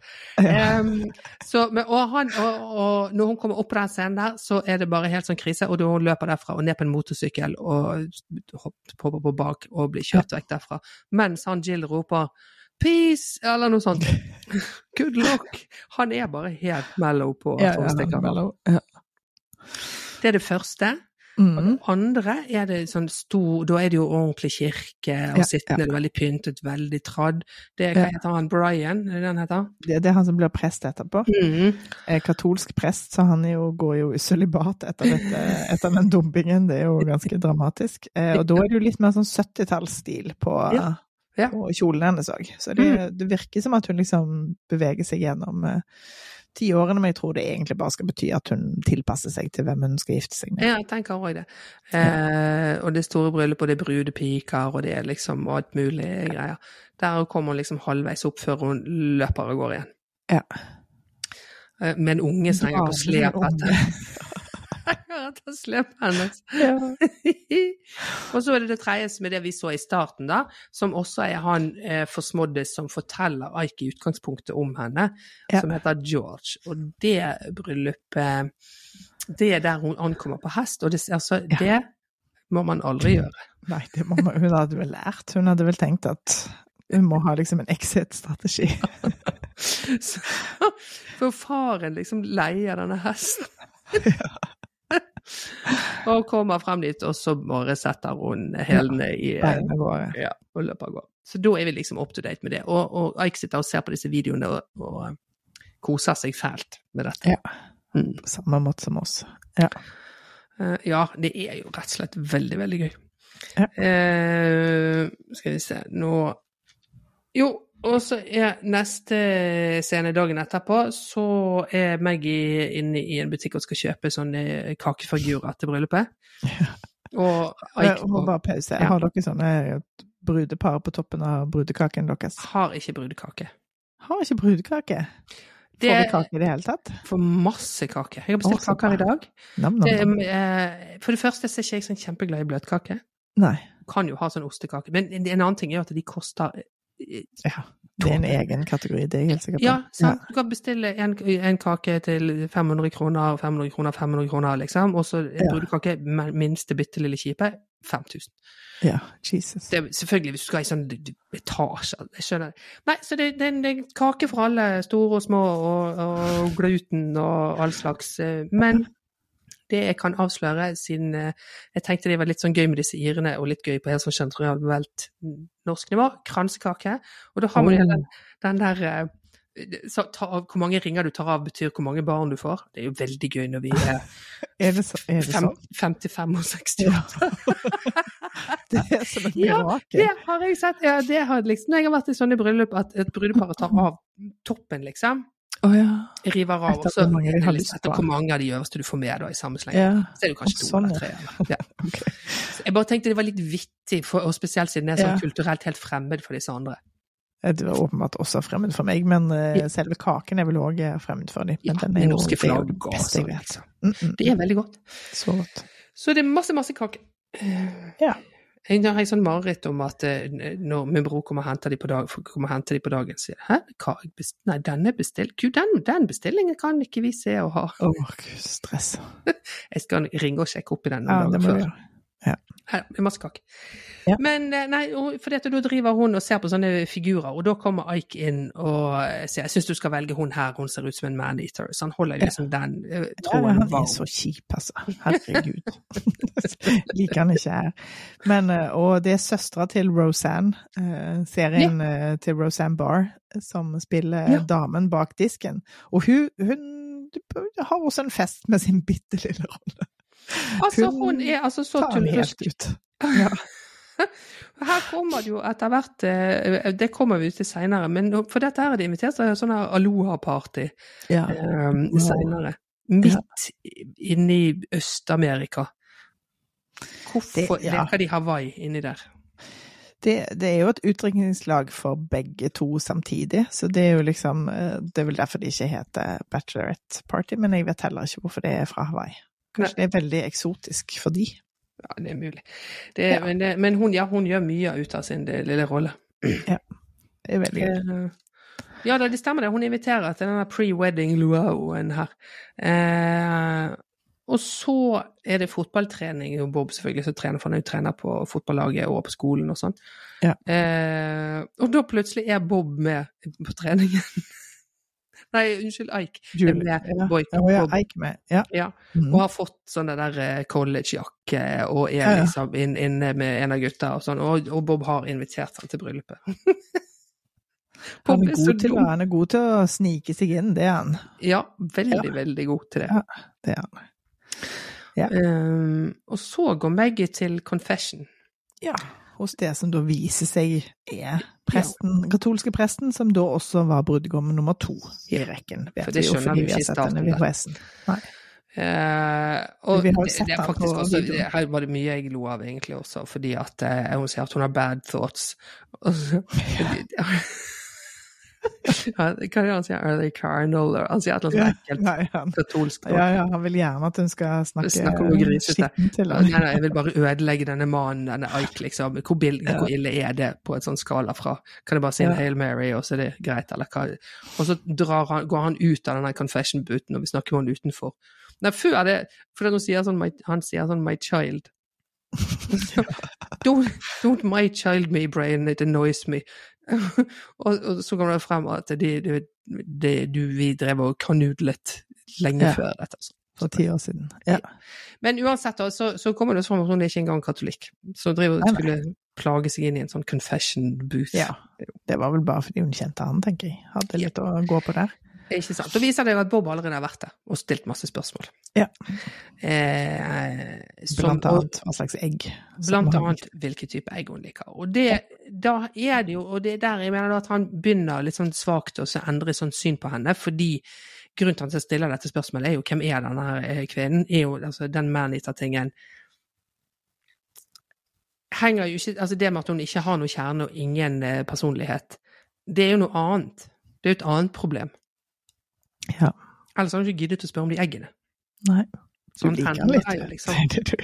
Men han begynner jo å forelske seg i henne, som alle andre gjør. Ja. Ja. Sant? Som Peggy senere påpeker, at alle menn faller for deg fordi at ja, fordi hvis du har det smilet, så kan du liksom eh, vende denne heteroseksuelle kvinnen. Det er helt sikkert. Altså, hun er jo helt fantastisk. Ja, hun er så nydelig. Ja. Eh, og, eh, og så sier hun at det er ingen som husker hvordan de Du husker ikke hvordan de liker eggene mine? Jo, du liker de scrambled med salt, pepper og dill. Samme som meg. Dill på eggene. Ja, det var rart. Dill på eggerøre. Det er ikke greit. Kanskje de ikke har persille og gressløk. Ja, sa han dill? Han sa dill. Jøss. Ja, det er veldig pussig. Ja. Men det er kanskje fordi man skal huske det, da, for fordi det er en rar ting. Mm, ja, ja. At det er veldig spesielt. Og Ja, og så sier hun meg ja, nå, nå vet jeg, da vet jeg hvor han skal nå. Hvis han har vært her, da vet jeg det. Og så drar de til eh, han Jill, som er da han første Ja. ektemann. Og da, ja, da har han altså så mye bokstaver bak seg. Da skal han spille gitar, og han er helt, helt, helt, helt på høygir. Og hun, prøver å si sånn Fokus. Fokus. man skjønner hvorfor det ikke ble de. Ja. Eh, og da er han allerede der fordi at han har bilverksted, og da sitter allerede Ike oppi eh, en bil som er liksom heist opp eh, under, en sånn grav. Og da har han fått det bildet av hun toppløs på rockekonsert i San Francisco av Jill. Det er mange grenseløse mennesker i denne filmen. Ja. ja, de, de er, er det Er det tenkt at de skal være sånn der bygdenaive? Eller er det bare det at han sjarmer uh, the pants off them? Nei, men det er vel det, det at de er ganske kjipe med henne. Ja, de er det jo faktisk. Ja, de bygde kjipe, er de. Ja, ja de er ikke noe grei med henne i det hele tatt. Nei. Men selvfølgelig, hun har jo liksom forlatt tre av bygdens menn eh, i løpet av vi får vel tro ikke så mange år. Og det, må, det er liksom flere familier og flere Ja. bryllupsgaver som har gått i vasken. Litt spektakulært er det jo. Det får, det får man gi, eh, det får man gi henne. Ikke sant? Og i den videoen, når, når det var han, det bryllupet, så har hun en tatovering av en rose på ryggen. Ja. For at hun er litt sånn barrygget kjole. Og der får Ike med sånn der Få se da, få se da om du har eh, den hun skal vedde på. Så må hun etter hvert ta av seg jakken. Se, Hun har ikke noe tatovering, det var bare en sånn klistretatovering. Ja. Eh, som jo også igjen undergraver Denne filmen er så rotete, fordi at hvis hun hadde nå virkelig vært så Ja. personlighetsløs, så hadde hun jo tatt den tatoveringen. Selvfølgelig. Men hun sier sånn 'Å, jeg er litt redd for nåler' og sånn. Men ja, den, filmen klarer ikke å holde fast i sin egen tese. Det, er, det er dumt. På ingen sider av det bordet. Nei. De måtte jo holdt de fra hverandre mye lenger. Igjen, Screwball-komedien gråter og snur seg i graven. altså. Det er klart. Og så eh, er det plutselig tilbake inn i byen, der eh, Ike har blitt med i, i eh, det lokale bluesbandet, som også sitter på gaten eh, og spiller. Ja. Dette, forresten, er helt på ordentlig han spiller, og han improviserer hele denne biten. Det er gøy. Jeg, syns det er så koselig at du har blitt en Richard Gere-fan. Jeg har jo kjent, deg så lenge at jeg vet at det skal liksom bare sånn en, en bitte liten positiv opplevelse til, så er du bare fangirl. Nå, det, det, dette skal jeg utnytte ved neste bursdagsgave. Jeg gleder meg til. Kan du få en stor blir redd for cutout? sånn plakat, sånn helfigurplakat med små øyne på. Ja. Husker du at du hadde den Robbie Williams-cutouten Jeg hadde i kjempelenge Robbie Williams i fullstørrelse? Ja, ja, den husker jeg kjempegodt. Den uh, flyttet med deg fra leilighet til leilighet. Ja, ja, den gjorde det. den av Richard Gere med bitte, bitte, bitte små plirende øyne.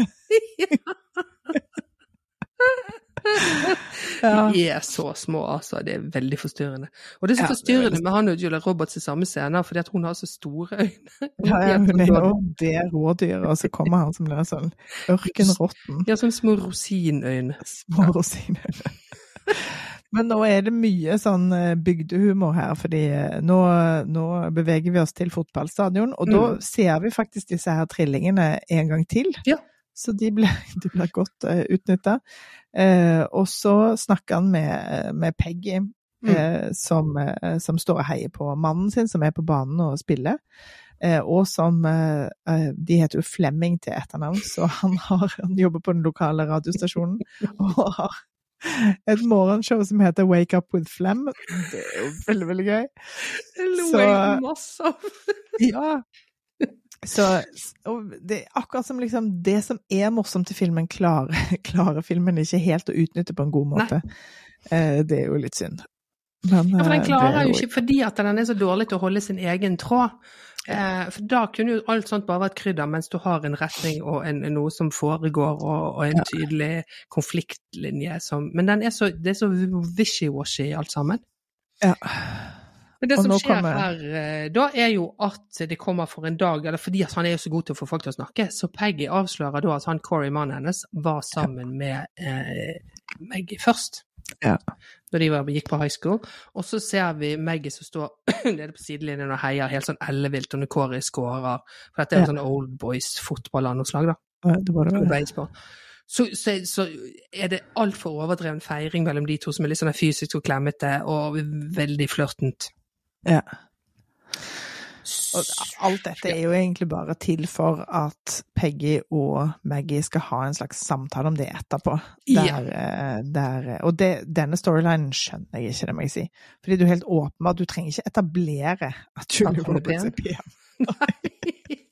Du tre, det kan du liksom uh, Selv Sandra Bullock eller Gina Davis hadde òg fremstått på denne måten, men Julie Roberts er jo bare så blendende i alt hun gjør Mm. at, at det Hele denne scenen kunne vi Vi kunne spart ti minutter av denne filmen, som er altfor lang eh, i Ja, og det er jo ikke det det handler om. Altså, det, er ikke, det, er ikke, det, er jo, det, er jo, det har ingenting å gjøre med hennes sånn der eh, sjelløse jeg vet ikke hvem jeg er. Selvfølgelig du driver og flørter sånn bekreftelsesmessig, men det er ikke det de egentlig driver og snakker om i det hele tatt.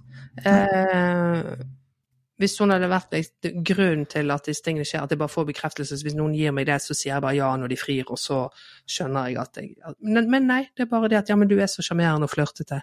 Ja. Nei, Altså, de, og så bruker de ikke den scenen til noen ting som helst. Nei. Det eneste de bruker den til, er at eh, Peggy tvinger Maggie til å gjøre en sånn nebbdyrimitasjon som, Mm. de gjorde, som hun gjorde en gang når de gikk på skolen, og så, da ser hun sånn kjempestygg ut, og så ler de av det, liksom. Mm. Eh, det, nei, dette det går ingen veier, og det burde bare blitt kutta ut, syns jeg. Helt Og det, meningsløst. og det der nebbdyret er en sånn selvforelskelse som har skjedd der, fordi at det har havnet inn Jeg vet ikke om det gjelder hele scenen, eller antageligvis bare akkurat det med det nebbdyret, men han, regissøren, hadde sine barnebarn på besøk under innspillingen, og for å underholde de, så lagde Julie Roberts dette fjeset, som han syntes var så gøyalt at det skulle inn i filmen. Ja, det forklarer jo veldig mye, Mm. og det var en dårlig vurdering. Det var en veldig dårlig vurdering. Men sant, da blir det sånn at alle har grunnforelsket seg i dette. Ja. Og ingen bruker huet. Nei, ingen bruker hodet. Alright. Men nå, nå er det Maggie som er grenseløs. Hun bryter seg inn på Ikes eh, hotellrom, der han Ja. har laget verdens han, han driver med research, skal vite, så han har en sånn Post-It-basert eh, mindmap eh, som er veldig lite kreativ. Han har bare liksom klistra de rundt på en ramme på, eh, på et av eh, bildene. Og der igjen, han er ikke noe, han er ikke noe grei. Han har skrevet på en av lappene eh, Hvorfor i all verden eh, blir alle forelska i henne? She's not that beautiful. Ja. Det er jo bare tull. Så det er jo kanskje bare for at vi skal skjønne at han er forelska i henne, da. Sjøl hun er sånn Bite me, paperboy, sier hun. Paperboy. Og hun tar alle disse her notatene. Men så kommer han tilbake Det som er veldig gøy, for det er han, han i resepsjonen der er jo selvfølgelig også forelsket i henne. Sånn at når hun kommer bare inn på hotellet, så får hun bare nøkkelen til å låse seg inn på rommet, og så sier han bare Don't take anything too big. hun vet jo at hun skal opp der og stjele noe, men det får være greit. Og, og, og i motsetning til de aller, aller fleste filmer av, av denne her Oi, noen kommer tilbake til hotellrommet sitt, så klarer hun ikke gjemme seg før personen kommer inn. Så han ser at hun går inn på badet, og så blir det en sånn lang sekvens der hun du rømmer ut et vindu, klatre, klatre, klatre. I'll call the sheriff, bla, bla, bla, og sånn. Så blir ikke det noe mer av det, liksom. Eh, Nei, det er bare fisle ut. Det er så mye her som bare fisler ut i ingenting. Ja. Eh, Deriblant så stjeler hun også en kassett med Miles Davis eh, Blue, er det vel, på eh, Så sier OK, dette er sikkert favorittmusikken hans. Da tar jeg den. Ja. Eh, og så sitter hun hjemme og hører på den og ser på disse notatene, eh, Ja. og så ser hun vel litt sånn halvdeppa ut. Og neste scene så har hun brutt seg inn på hotell eh, igjen og vekker han. Ja. Der hun vil snakke om de notatene og sier du tar feil. Jeg skal hjelpe deg til å skrive sannheten. Jeg skal samarbeide. Du kan få intervjue meg for 1000 bucks. Ja. Fordi at hun vil ha en fin kjole, hun vil ha et stort bryllup. Og igjen, dette bryllupet skal skje om fire dager, så det er jo liksom Igjen, dårlig, altså de er dårlige på film til å tenke fremoverlent. når de har bryllup.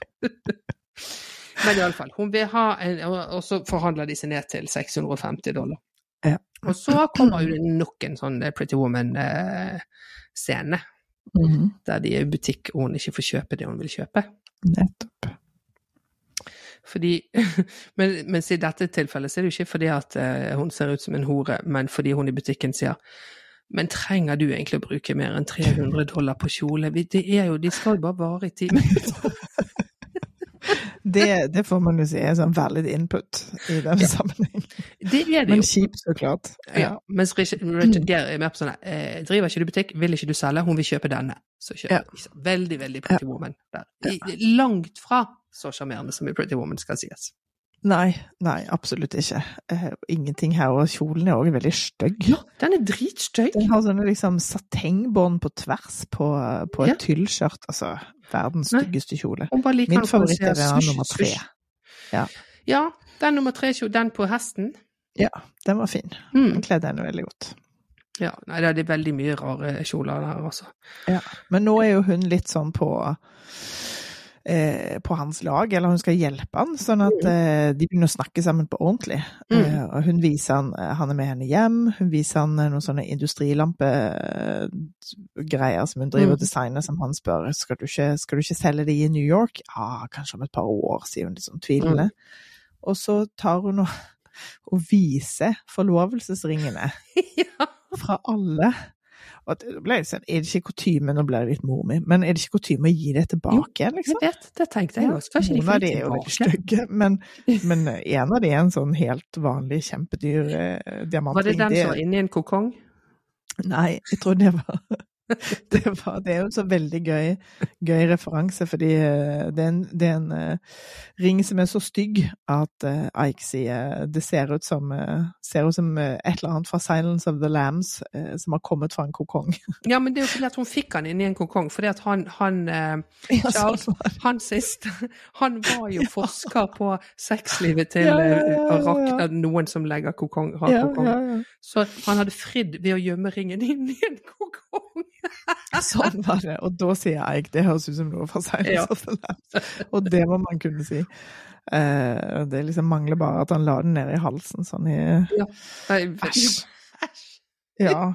Og det verste er at Bobs ring, det er jo da Altså som hun nå har fått, som vi ikke har sett henne ha på seg i det hele tatt, det Nei, er det er et ett-tall av små diamanter. Ja. Sikkert noe sånn idrettspsykologi i liksom You're number one! Men den er òg veldig, veldig stygg. Så Den det vil man ikke ha. Og han har jo fridd da ved å eh, Med sånn board på, på fotballkamp. Will you marry me? Selvfølgelig. Selvfølgelig. Og det later hun som at hun syns er sjarmerende. Ja, og han, han eh, er ikke noe eh, imponert i det hele tatt, og så eh, og, så og så blir det sånn spørsmål ja, hva ville du sagt da? Og så sier han noe som er veldig, veldig fint. Ja. Og en veldig sånn fin sånn speech om Et, lite frieri. ja, et lite frieri som liksom er det er jo, De har jo et moment der. Ja. Det er vel også Eh, en Pretty Woman-parallell, for det ligner litt på det Ja. som han sier på slutten, som Ja. jeg ikke husker hva er. Nei, Nei og, så, og så spør hun jo hva sa du til din kone, Eh, og så sier han ekskone. Ja, you got divorce written all over you, og det har han jo virkelig. Det var for denne spalten hans har det. så det, det, da er òg Nei, jeg tror kanskje sånn So what do you think uh, uh? Det er det han hadde sagt til henne. Og når hun spør om hva som gikk galt, så vet han ikke hva som gikk galt. Og sier kanskje du skal spørre henne om det. Så her er det jo også noen takter mot noe som kunne vært interessant. Ja. Altså, det følger de jo opp i og for seg, men uh... Vi følger det jo opp, med, uh, og den får en avslutning, men likevel så er Ja. det jo fordi greien er at det handler jo ikke om han, på en måte. Fordi han reiser jo da tilbake til New York, snakker med mm, eh, ektemann nummer tre og med Rita Wilson, eksen, og spør sånn hvorfor i all verden, hva var det som skjedde med oss? mm, Eh, og så klarer han, før hun svarer, så klarer han å gjette det sjøl, liksom at, at, at han ikke så henne. mm, Eh, men jeg vet ikke, jeg syns, syns også de kunne brukt den eh, litt mer eh, mm. Kunne handla litt mer om han. Men, eh, men ja, det er vel cuet hans da til å reise tilbake igjen og, og endre oppførsel. Ja, og endre syn på uh, det hele, liksom. Ja. Uh, og, men før han drar uh, av gårde der, da, så, så etter de har vært i denne, denne her seansen her og snakket sammen, og med den kjolen Ja. og alt det der, så skal de til dineren og møte Bob. Ja. Og eh, Meg bestiller da samme eggene som Bob, så da får han jo nok en sånn egg white only-omelett. Det må jo være Altså, selv om jeg ikke liker eggegule i en omelett, så er jo det et, et skuffende Altså, jeg var en gang i uh, New York, og det er jo en by man tenker at ja, det er noe åpent her hele forbanna tiden. Ja. Det var så jævlig kaldt, og så var vi ute og gikk, og, det var sånn, og vi var så jetlagged, så vi var ute kjempetidlig på morgenen. Og, og, var supersultne. Og så bare sånn, vi finner et sted å spise. Nei, og det var sånn, sånn, kaldt som det bare er der. Sånn 40 minus-aktig, Ja. for det bare kommer kulde fra alle steder. Og så, så, så fant ingen steder. Ingen, ingen, ingen, ingenting. Og så plutselig her er det en dør åpen, her er det en restaurant, her blir vi. Og får i oss varmen. Og det var en sånn vegansk Nei, det var, ja, det, var, det hadde kanskje vært vegansk, for det var egg. Det eneste, det, det mest mataktive vi kunne var få, var en egg white omelett. Jeg har aldri vært så ulykkelig i hele mitt liv. Jeg bare lurer på, Hva gjør de med alle gulene, liksom? Men Var dette i sånn kal- Ja, kolesterolforvirringens det tid? var, det var på den tiden der eggeplomme var eh, livsfarlig. Ja, nettopp. Det har jeg heldigvis gått over. Det er veldig Ja. fint. Det er vi glad for. Eh, Men eh, dette vel eh, altså Det er en gøy- gøyal scene der bestemoren skal forklare til Eik hvorfor, hvorfor hun er redd for bryllupsnatten. At uskyldige jenter er livredde for the one-eyed snake. Altså, det- Loafers er, er ikke på langt nær så ekkelt som å kalle penis for the one-eyed snake. Og så det kommer, det kommer sånn helt ut av ingenting i denne filmen òg, så man blir sånn virkelig virkelig Ja, For det er en veldig lite sexfiksert film, dette. Ja, ja. Det, er ing, det er ikke noe, det er knapt nok noe liksom tørre kyss. eller det er noe kyssing Ja. etter hvert. er det. Men det er jo det er en rød tråd i sånne eh, ikke så gode romantiske komedier å ha en sånn eldre kvinne som er besatt av eh, sex. Ja. Ofte spilt av Betty White. Så The Proposal, for eksempel, der har Betty White en sånn sexdans som hun eh, fremfører midt ute i skogen for eh, Sandra Bullock som skal gifte seg med Ryan Reynolds. Det, bare den scenen har gjort at jeg har aldri sett den filmen igjen. Selv om jeg er utrolig glad i Ryan Reynolds og Sandra Bullock. ja. Og Betty White. Ja, ja, ja, men ikke, ikke, ikke på den der sex... Ryan Reynolds har òg litt sånn rart plasserte øyne. Ja, han har det. litt for tett. Han også, og Dawson's Creek. Ja, ja, ja. ja. Han, de, de er veldig like, de to, på et eller annet vis. De, ja Ja, på den måten er de like. det er òg med Richard Gere. Mm. Ja, men han er mindre rosinøyne. Men eh, i alle fall, da, så, så i denne sekvensen når eh, og, og eh, Maggie sier at I charmed a one-night snake som a while back, eh, så har hun funnet på loftet denne Miles Davis-platen og gir Ja. til Ike. Ja. Der han eh, nå tenker at nå har han funnet ut hva jeg, hva jeg liker, her er et sjeldent album, nå driver du og prøver å bestikke meg. Er det hans første tanke her, da? Ja. Seerens tanke er jo å ja, nå forelsker han seg i han, så nå skal hun speile han. Ja. Tid har ikke han kommet helt ennå. Nei, han har ikke det. Eh, og så eh, i neste scene er, er han godeste Ike i, i bilen sin og hører på Wake Up With Flame. Hvilket betyr at det er tidlig på morgenen, dette. Ja, ja. Ser bilen hennes, trykken hennes stå utenfor en lokal bar, stopper og går inn, og der er hun og henter faren, som er Ja. driting. Kjempedrita. Ja. Ja. Og nå er jo første gangen han er grei med henne på Ja. ordentlig. Fordi han sier sånn 'herregud, jeg skal ikke skrive om dette', liksom. Nei, Dette blir mellom oss. ikke sant. Og så la, putter de eh, faren inn i trykken, og så kjører de en tur for at han skal sove det litt av seg der så lenge. Ja. Eh, Og da forteller hun sannheten om at hun reiste hjem fra de her studiene sine for å eh, drive jernvern, fordi at faren var så deprimert etter at moren døde at han hadde blitt eh, drukken. alkoholisert. Mm. Så det er på en måte nøkkelen til henne. Det er hennes uh, Hva heter den der sleden i Orson, Orson Wells-filmen? Eh, Rosebud. Rosebud. Det er hennes Rosebud. Ja. Yep. Og så forteller han om seg sjøl, og foreldrene ville at Hvordan var det?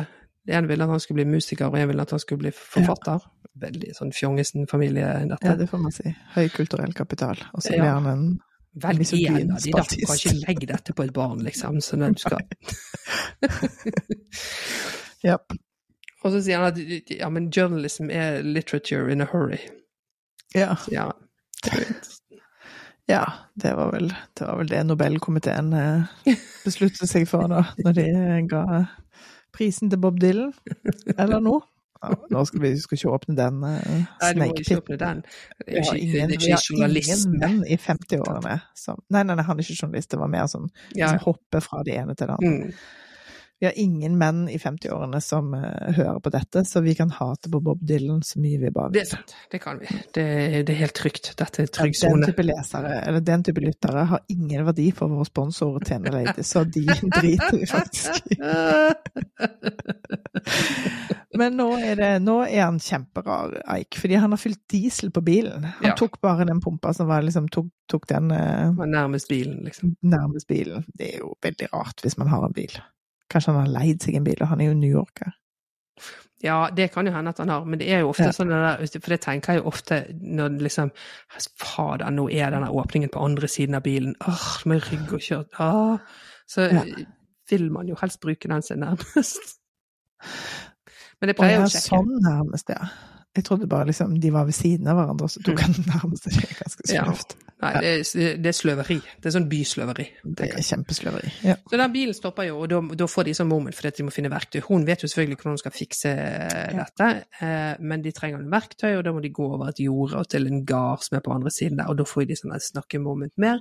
Pluss Ja. at de skal klatre over et gjerde, og de får sånn fysisk nærkontakt, og det bare Ja. oppstår sparks mellom de. Det er fint. Ja. Oi, oi, oi. Ja. Vil filmen at vi skal tenke, da. Oi, oi, oi. Moment har jeg skrevet med store bokstaver, så det er fint. Ja da. Men han gjør så klart glatt narr av henne. Han klarer ikke liksom å være i det øyeblikket heller. Nei. Så douche. Ja ja, han er sånn, douche. Og så reiser han til New York. Mm. Det var litt sånn langt framme i skoene der. Eh, Ja, og, og, da, og da skal han snakke med han George, han er nummer tre. Og Ja. han, han eh, klarer jo ganske fort å se fordi at det, det, nå begynner Aiko for, å liksom forsvare henne her og sier 'Å gud, nå har hun fått deg òg med', altså. Er det mulig? Og så stikker han Og så får han akkurat bare spurt før han stikker hvilke egg hun likte. Ja. Og da likte hun poached, same as me. og da skjønner jo vi òg. Altså, Ja. vi trenger jo liksom ikke en sånn voldsom forklaringsscene, men selv om han forklarer det til henne. Men vi skjønner jo hva hun lider av. Ja, ja, ja. Og så er han og snakker med eh, fine, fine Rita Wilson, og det er at han ikke, han ikke så henne, som gjorde at det gikk åt skogen. Ja. Eh, Så er vi tilbake til den hula-hula-kvelden som jeg bare fremdeles syns er Ja. helt underlig. For det virker som at det er noe sånn fast som de holder på med. Kanskje det er det? Vi vet jo ikke det. Nei, men det er jo, jo, men de sier sånn her, og det har jo blitt en tradisjon eh, her nå, er det liksom the to toast Kanskje det er tradisjon før hennes bryllup, da, det kan jo hende. Ja, det kan være. og alle ser så teite ut, inkludert Ike, som også kommer i hula-hula. Hula, hula. Han er bare sånn immersed in the local culture. Ja, ja, han er god til det. Men eh, hva heter det med sånne ting man har rundt uh... Hodet? Sånn blomster rundt eh, halsen? Ja, sånn rundt halsen er Det er heter vel et eller annet. Ja da, det heter noe. Har jeg glemt hva jeg er. Men ja, det er veldig mm. kulturell appropriasjon her. Det hadde ikke gått i dag. Det er noe magedansere og Eller sånn vrikkedans som de holder på med på Hawaii, som ser Ja. ut som magedans. Nei, så, eh, og da skal alle holde en toast eh, til henne, og det er å Eller de skal bare holde en toast, det er ikke sagt at det er til henne, men det er det det blir. For det at alle gjør narr av det om å gjøre å komme opp med den gøyeste vitsen om henne. Ja. Om henne. Noen av de gode, noen av de dårlige, men det veldig, det, når det blir bare det, så blir det bare kjipt. Ja, det er en roast uten varme. Ja, det er akkurat Ikke gøy. Nei. Ja. Og så skal Ike liksom da stå opp for henne som å være gentleman, så når det er hans tur, så angriper han alle de. Ja, han toaster til familien og venner og sier 'May you find yourself the bullseye of an easy target', Ja. etc. Og det, det føles jo på dette tidspunktet som veldig tilfredsstillende, for vi ser jo at hun er, hun er veldig ube, liksom, ubekvem i situasjonen. ja, ja. Eh, men så blir hun jo rasende, fordi det er jo så ydmykende. fordi at mens hun satt fremdeles og holdt liksom smilet oppe og Ja. gjorde liksom gode minner til slettspill og bare liksom 'Dette står jeg i', så er det jo hans påpekning av at dette er skikkelig slemt og ondt, som gjør at hun blir Som gjør den taperen, liksom. Så lenge hun har kunnet ta For hun har jo hatt liksom rak rygg i alt dette. Hun bor jo i denne bitte lille landsbyen og bare sånn 'Oi, nei, dumpet en til, dumpet en til', og står i jernvarebutikken dagen etterpå. Det er veldig, det er veldig tøft i seg sjøl. Ja, det er det. Nei, så da har de en krangel her som er sånn eh, skal vi snart eh, kysse-krangel. Men Ja. der kommer Bob. Akkurat rett før det. Det er så nær på kyssing. Ja, ja, ja. Og det er jo også her han sier eggeteorien til henne. Ja. Sånn er det. ja. At du er den mest loste kvinnen noensinne har vet. Så Nei, jeg har bare endret mening, sier hun om de eggene. Og det er selvfølgelig det er jo lov, det. Det Mens hans eh, påstand er jo Men du har ingen mening. Nei. Det er, du, skal, du har ikke lyst til å klatre på Annapurna. Nei. Og det, det identifiserer vi oss med, eller Ja. det, det går vi Det skjønner vi med en gang. Ja, og så, han, og, så, og så skjer jo dette rare, for det, så holder han en sånn romantisk tale om hva hun egentlig vil. At hun vil at noen skal holde henne for øynene mens hun går i sanden og kjenner på sand. Sånn. Det er jo hva han vil! Ja, ja. Så, Så han er jo han, han er på vei ned samme gate som alle de andre brudgommene. samme gate. Ja. For, og for hun, siden hun jo ikke har noen egenvilje, som han jo vet, så svarer Ja. hun bare ja, det har jeg lyst til. Ja. Det er jo ingen verdi at hun sier Nei, ja, det har jeg lyst til. Nei. Men han er jo så forelska at han lurer også seg sjøl her, da. Ja, absolutt. Sånn er det. Ja. Mm. Eh, Men det begynner jo da å skje små ting med Maggie, fordi i neste scene så så eh, konfronterer hun pappaen eh, Ja. og sier kanskje du ikke vil ha en uh, datter som eh, dumper menn ved alteret hele tiden, men jeg Mhm. har ikke lyst til å ha en pappa som er full hele tiden. Nei, ikke Eh, sant. så det er liksom en litt, litt ny Maggie som eh, viser seg allerede. Står litt liksom sånn oppklart med en mening, liksom. Og så Ja. skal de ha no, Dette som de holder på med i Amerika, som er sånn uh, trial Hva heter det for noe? Rehearsal. Ja, rehearsal. De pleier rehearsal. rehearsal pleier jo bare å være middagen, men Bob insisterer på at de skal ha en rehearsal. uh, vielse òg, fordi han vil så gjerne at hun skal liksom kunne vise visualisere Ja, på dagen. elsker Bob. Det elsker Bob.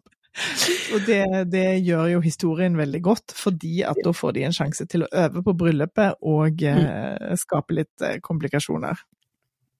Ja, det er veldig gøy, for Ike skal egentlig først være presten, men så eh, er- kommer hun aldri inn, og hun sliter skikkelig og sånn, sånn at Bob må gå ned og gå sammen med henne. Ja. Sånn at da må Ike få rollen som brudgom. Sånn at Ja. Bob Bob går sammen med henne og bare sier sånn You can do it! You can pass the goal line! Men og skal, han skal bare stå der som markør, liksom, så hun vet Ja. hvor langt hun skal. Men i det øyeblikket de da står der sammen og sånn, så kaster de seg inn i det og kysser lidenskapelig. De kysser veldig fint. Ja, de kysser kjempefint. Ja.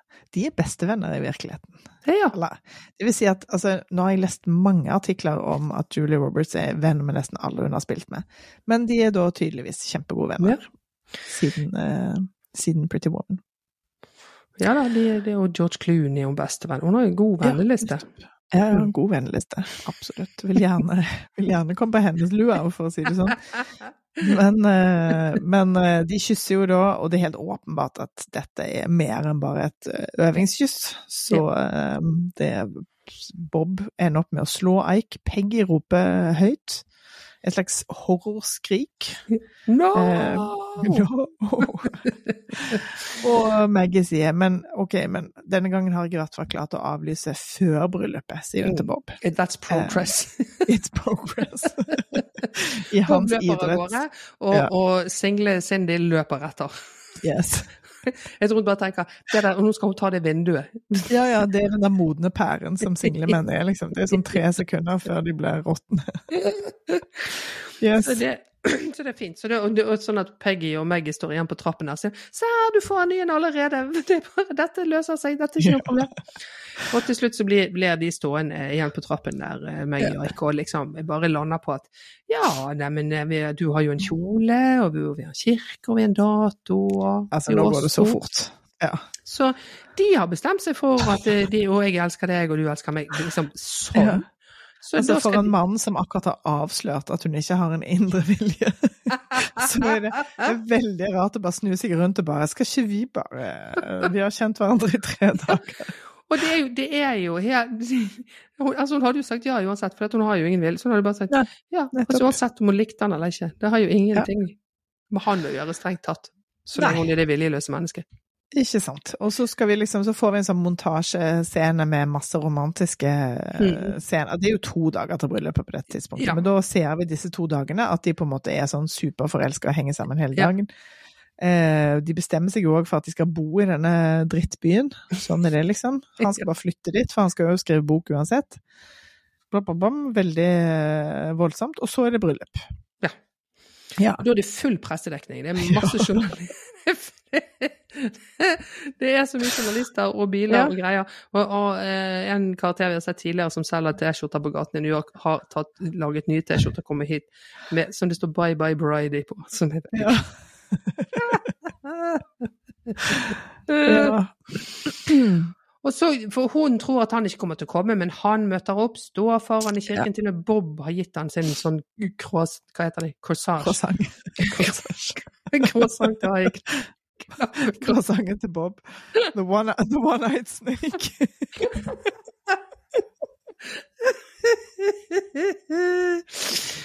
Ah, så Bob er, Bob er så stor uh, her. Ja. Og bare Ja, han er- okay, men jeg, jeg ville heller finne ut noe enn en fjerde runde. så det var jo greit. Eh, og, og, og Bob gir han et siste råd på veien. Remain eye contact. Ja. Maintain eye contact. Times. det, liksom, og det, det funker ganske langt på vei. Hun går alene ned eh, Hva heter det? Kirkegangen? Kirkegulvet, ja. Kirkegulvet. Ja. Eh, tuller litt med han om at hun tviler og fram og tilbake. Selv om hun akkurat har stått foran en sånn gigantisk gulvvifte og viftet seg voldsomt, så hun Altså, har jo dette, åpenbart dette eh, sympatiserte jeg sånn med. Jeg har så mye tanker om vifte til det bryllupet. Ja. Det, altså, jeg har sjekket alle varianter av sånne små og store. Alle må ha Ja. men, det må, men jeg skal bare kjøpe sånne små sånne kinavifter. tror jeg. Ja, det er jo òg liksom penere enn så store gulvvifter. Ikke stor, men det finnes sånne små du kan holde i hånden som er Ja, ja, ja, altså, annet. det er- det det er ikke mye lyd i dag. Ja, de lager mye lyd. Ja, nei, ikke, ikke gjør det. Men sånne, sånne eh, papirvifter er fine. Jeg må bare skyte inn at uh, min lille nevø da han var bitte liten, trodde at gulvvifte het deilig. For det var det alle sa når de skrudde på gulvviften. Å, deilig! Ja, da, i huset òg, det kan jeg si. Og det er veldig koselig. Ja, veldig god. Men så skjer det noe dramatisk når hun går ned eh, Ja. kirkegulvet, fordi det er noen som tar, tar bilde med blits på kamera, og da mister hun fokus. Ja, eller han, ble- han lukker øynene, så han eh, klarer ikke å maintain eye contact. Og det var det som skjedde. Jeg tror det var blitsen. Men ja, han- det var blitsen, og så lukker han øynene, og da er magien brutt. Da, da er hun bare sånn no, no, no, no, no, og løper. Men denne landsbyen er jo forberedt nå, så de smekker igjen dørene. Men hun stjeler en FedEx-bil, eh, som jeg tenker det er vel òg product placement. Ja, og det er jo for så vidt også veldig likt eh, den vi så sist, eh, denne stjelingen. Eller hun stjeler ikke, hun sitter på, tror jeg, med sjåføren, hun kjører ikke sjøl. Ja. Og han løper etter, og løper og løper og løper så utrolig fort etter. Men når hun selvfølgelig ikke hjem. Nei, og det er så fint der. Det er så masse sånn lønn eh, som er Ja. helt rød og oransje. Så det ser ut som Ja. Men det er helt nydelig. Og da kommer hele pressekorpset etter han og sier 'Hva føler du nå? Hva skal du gjøre nå?' Så han får jo smake sin egen medisin litt grann her nå, da. Ja, for det. Eh, Men det, og det er veldig gøy i etterkant òg. Det er en av overskriftene etter dette som, skjer, som heter 'Hardware honey goes nuts and bolts'. Det er veldig gøy. Det er kjempegøy. Ja og så er det jo liksom krysset mellom at begge sitter hjemme og er tankefulle. Og, men vi ser jo mest der, der hun setter i gang igjen med disse lampene. Ja, de ser- styggeste lamper. Kan jeg Ja, bare få si det? Kanskje de var kule da, da. Jeg vet ikke. Ja, det, det, Sånn dette- hardware, eh, altså sånn industrielt. Ja, det ser ut som roboter, liksom. De Ja. er ikke fine. Men det, hva heter sånt da? Det, heter, det har et navn. Stygt. Cyberpunk, heter ikke det noe sånt da? Ja, det, det, den estetikken eh, kjenner jeg, men jeg vet ikke om det liksom er Tror du det er stållamper. Tror du det? seg mot? Jeg vet ikke. Men iallfall så ser han de i en butikk i New York. Og det er jo litt sånn på hvor lang tid det har gått her, for i New York så regner det bare hele tiden. Så det er litt vanskelig Ja, å Og hvem er det som har passet katten hans? Italics. Det lurer jeg òg på, for han Ja. var jo borte så lenge. Han var jo kjempelenge borte.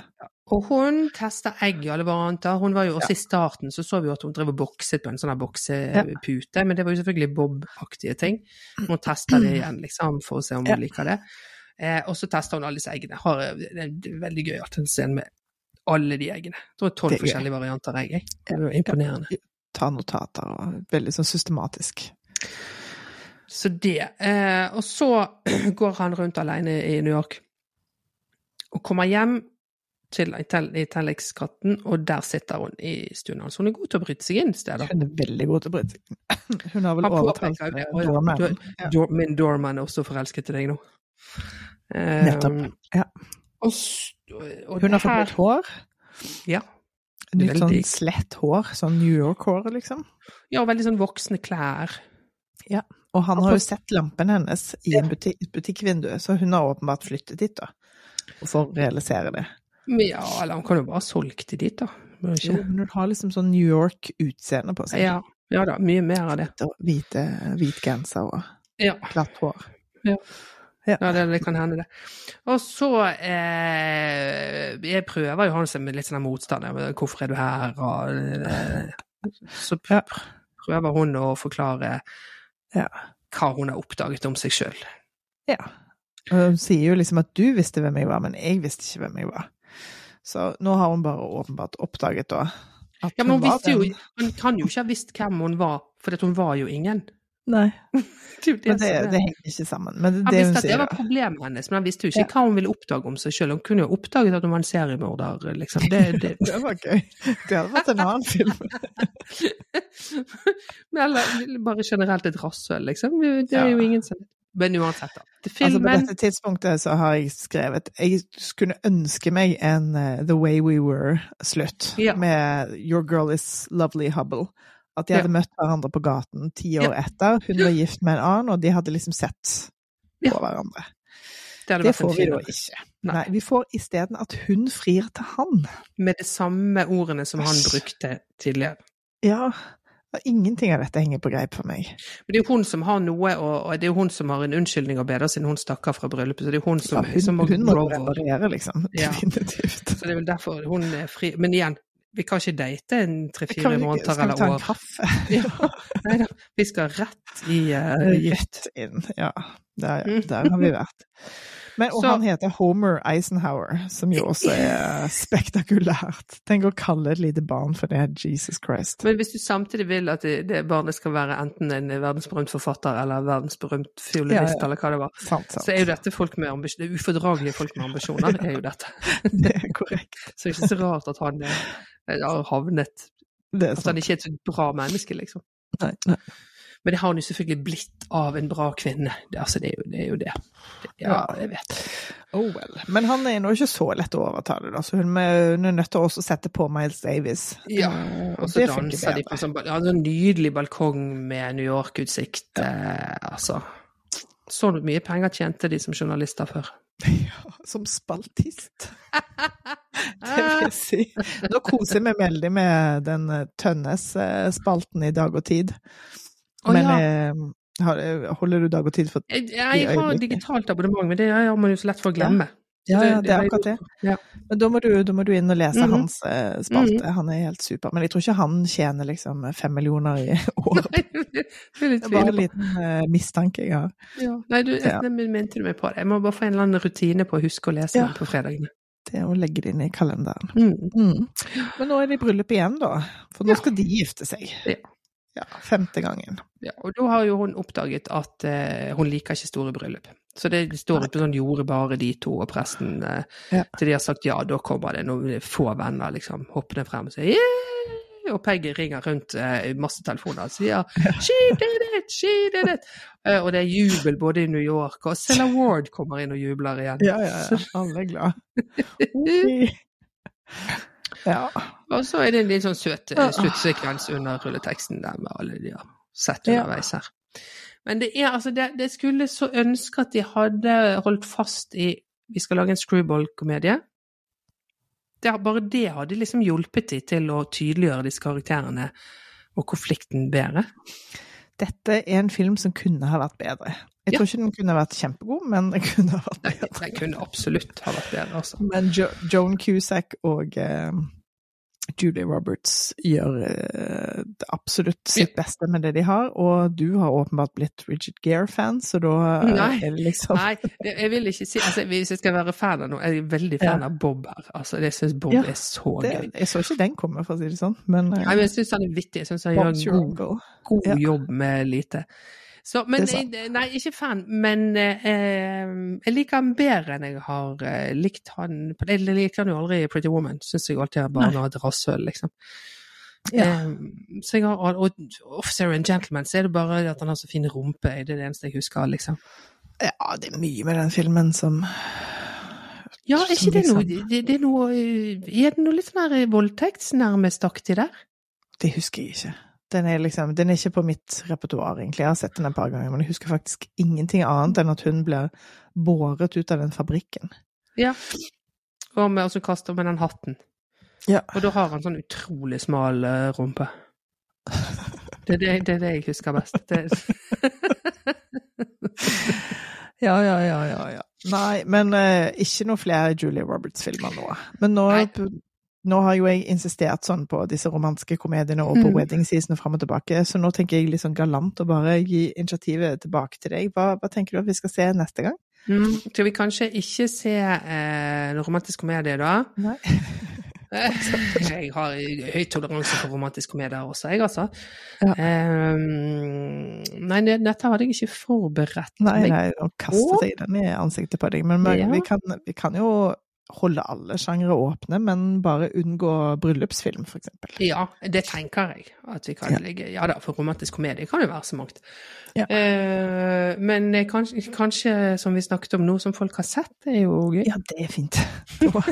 Der kommer jo Pretty Woman inn igjen, da. Men kanskje ikke Julia Roberts uke etter uke. Nei, nei, nei, vi må ta et brudd med Julie nå. Nå har vi hatt tre filmer med henne. Det får holde. Ja, men, Gud forby, det kan hende vi blir lei av henne. Det orker Oi, man jo ikke. Nei, nei, nei, det går ikke. Nei. Dette må vi litt, tenke litt på. Nå prøver vi Ja. å holde denne strukturen med å snakke Ja, ja. litt eh, andre ting neste uke. Yep. Så det blir jo to Så uker til vi skal uke så kan du eh, få lov til å jeg kan, ha- kan avsløre en film neste uke. Ja. Det er bra. Det holder lenge. OK. Takk for nå. Takk Nå skal jeg gå og besvime i sulten min. Ja, det må du gjøre. OK, ha det. Hei.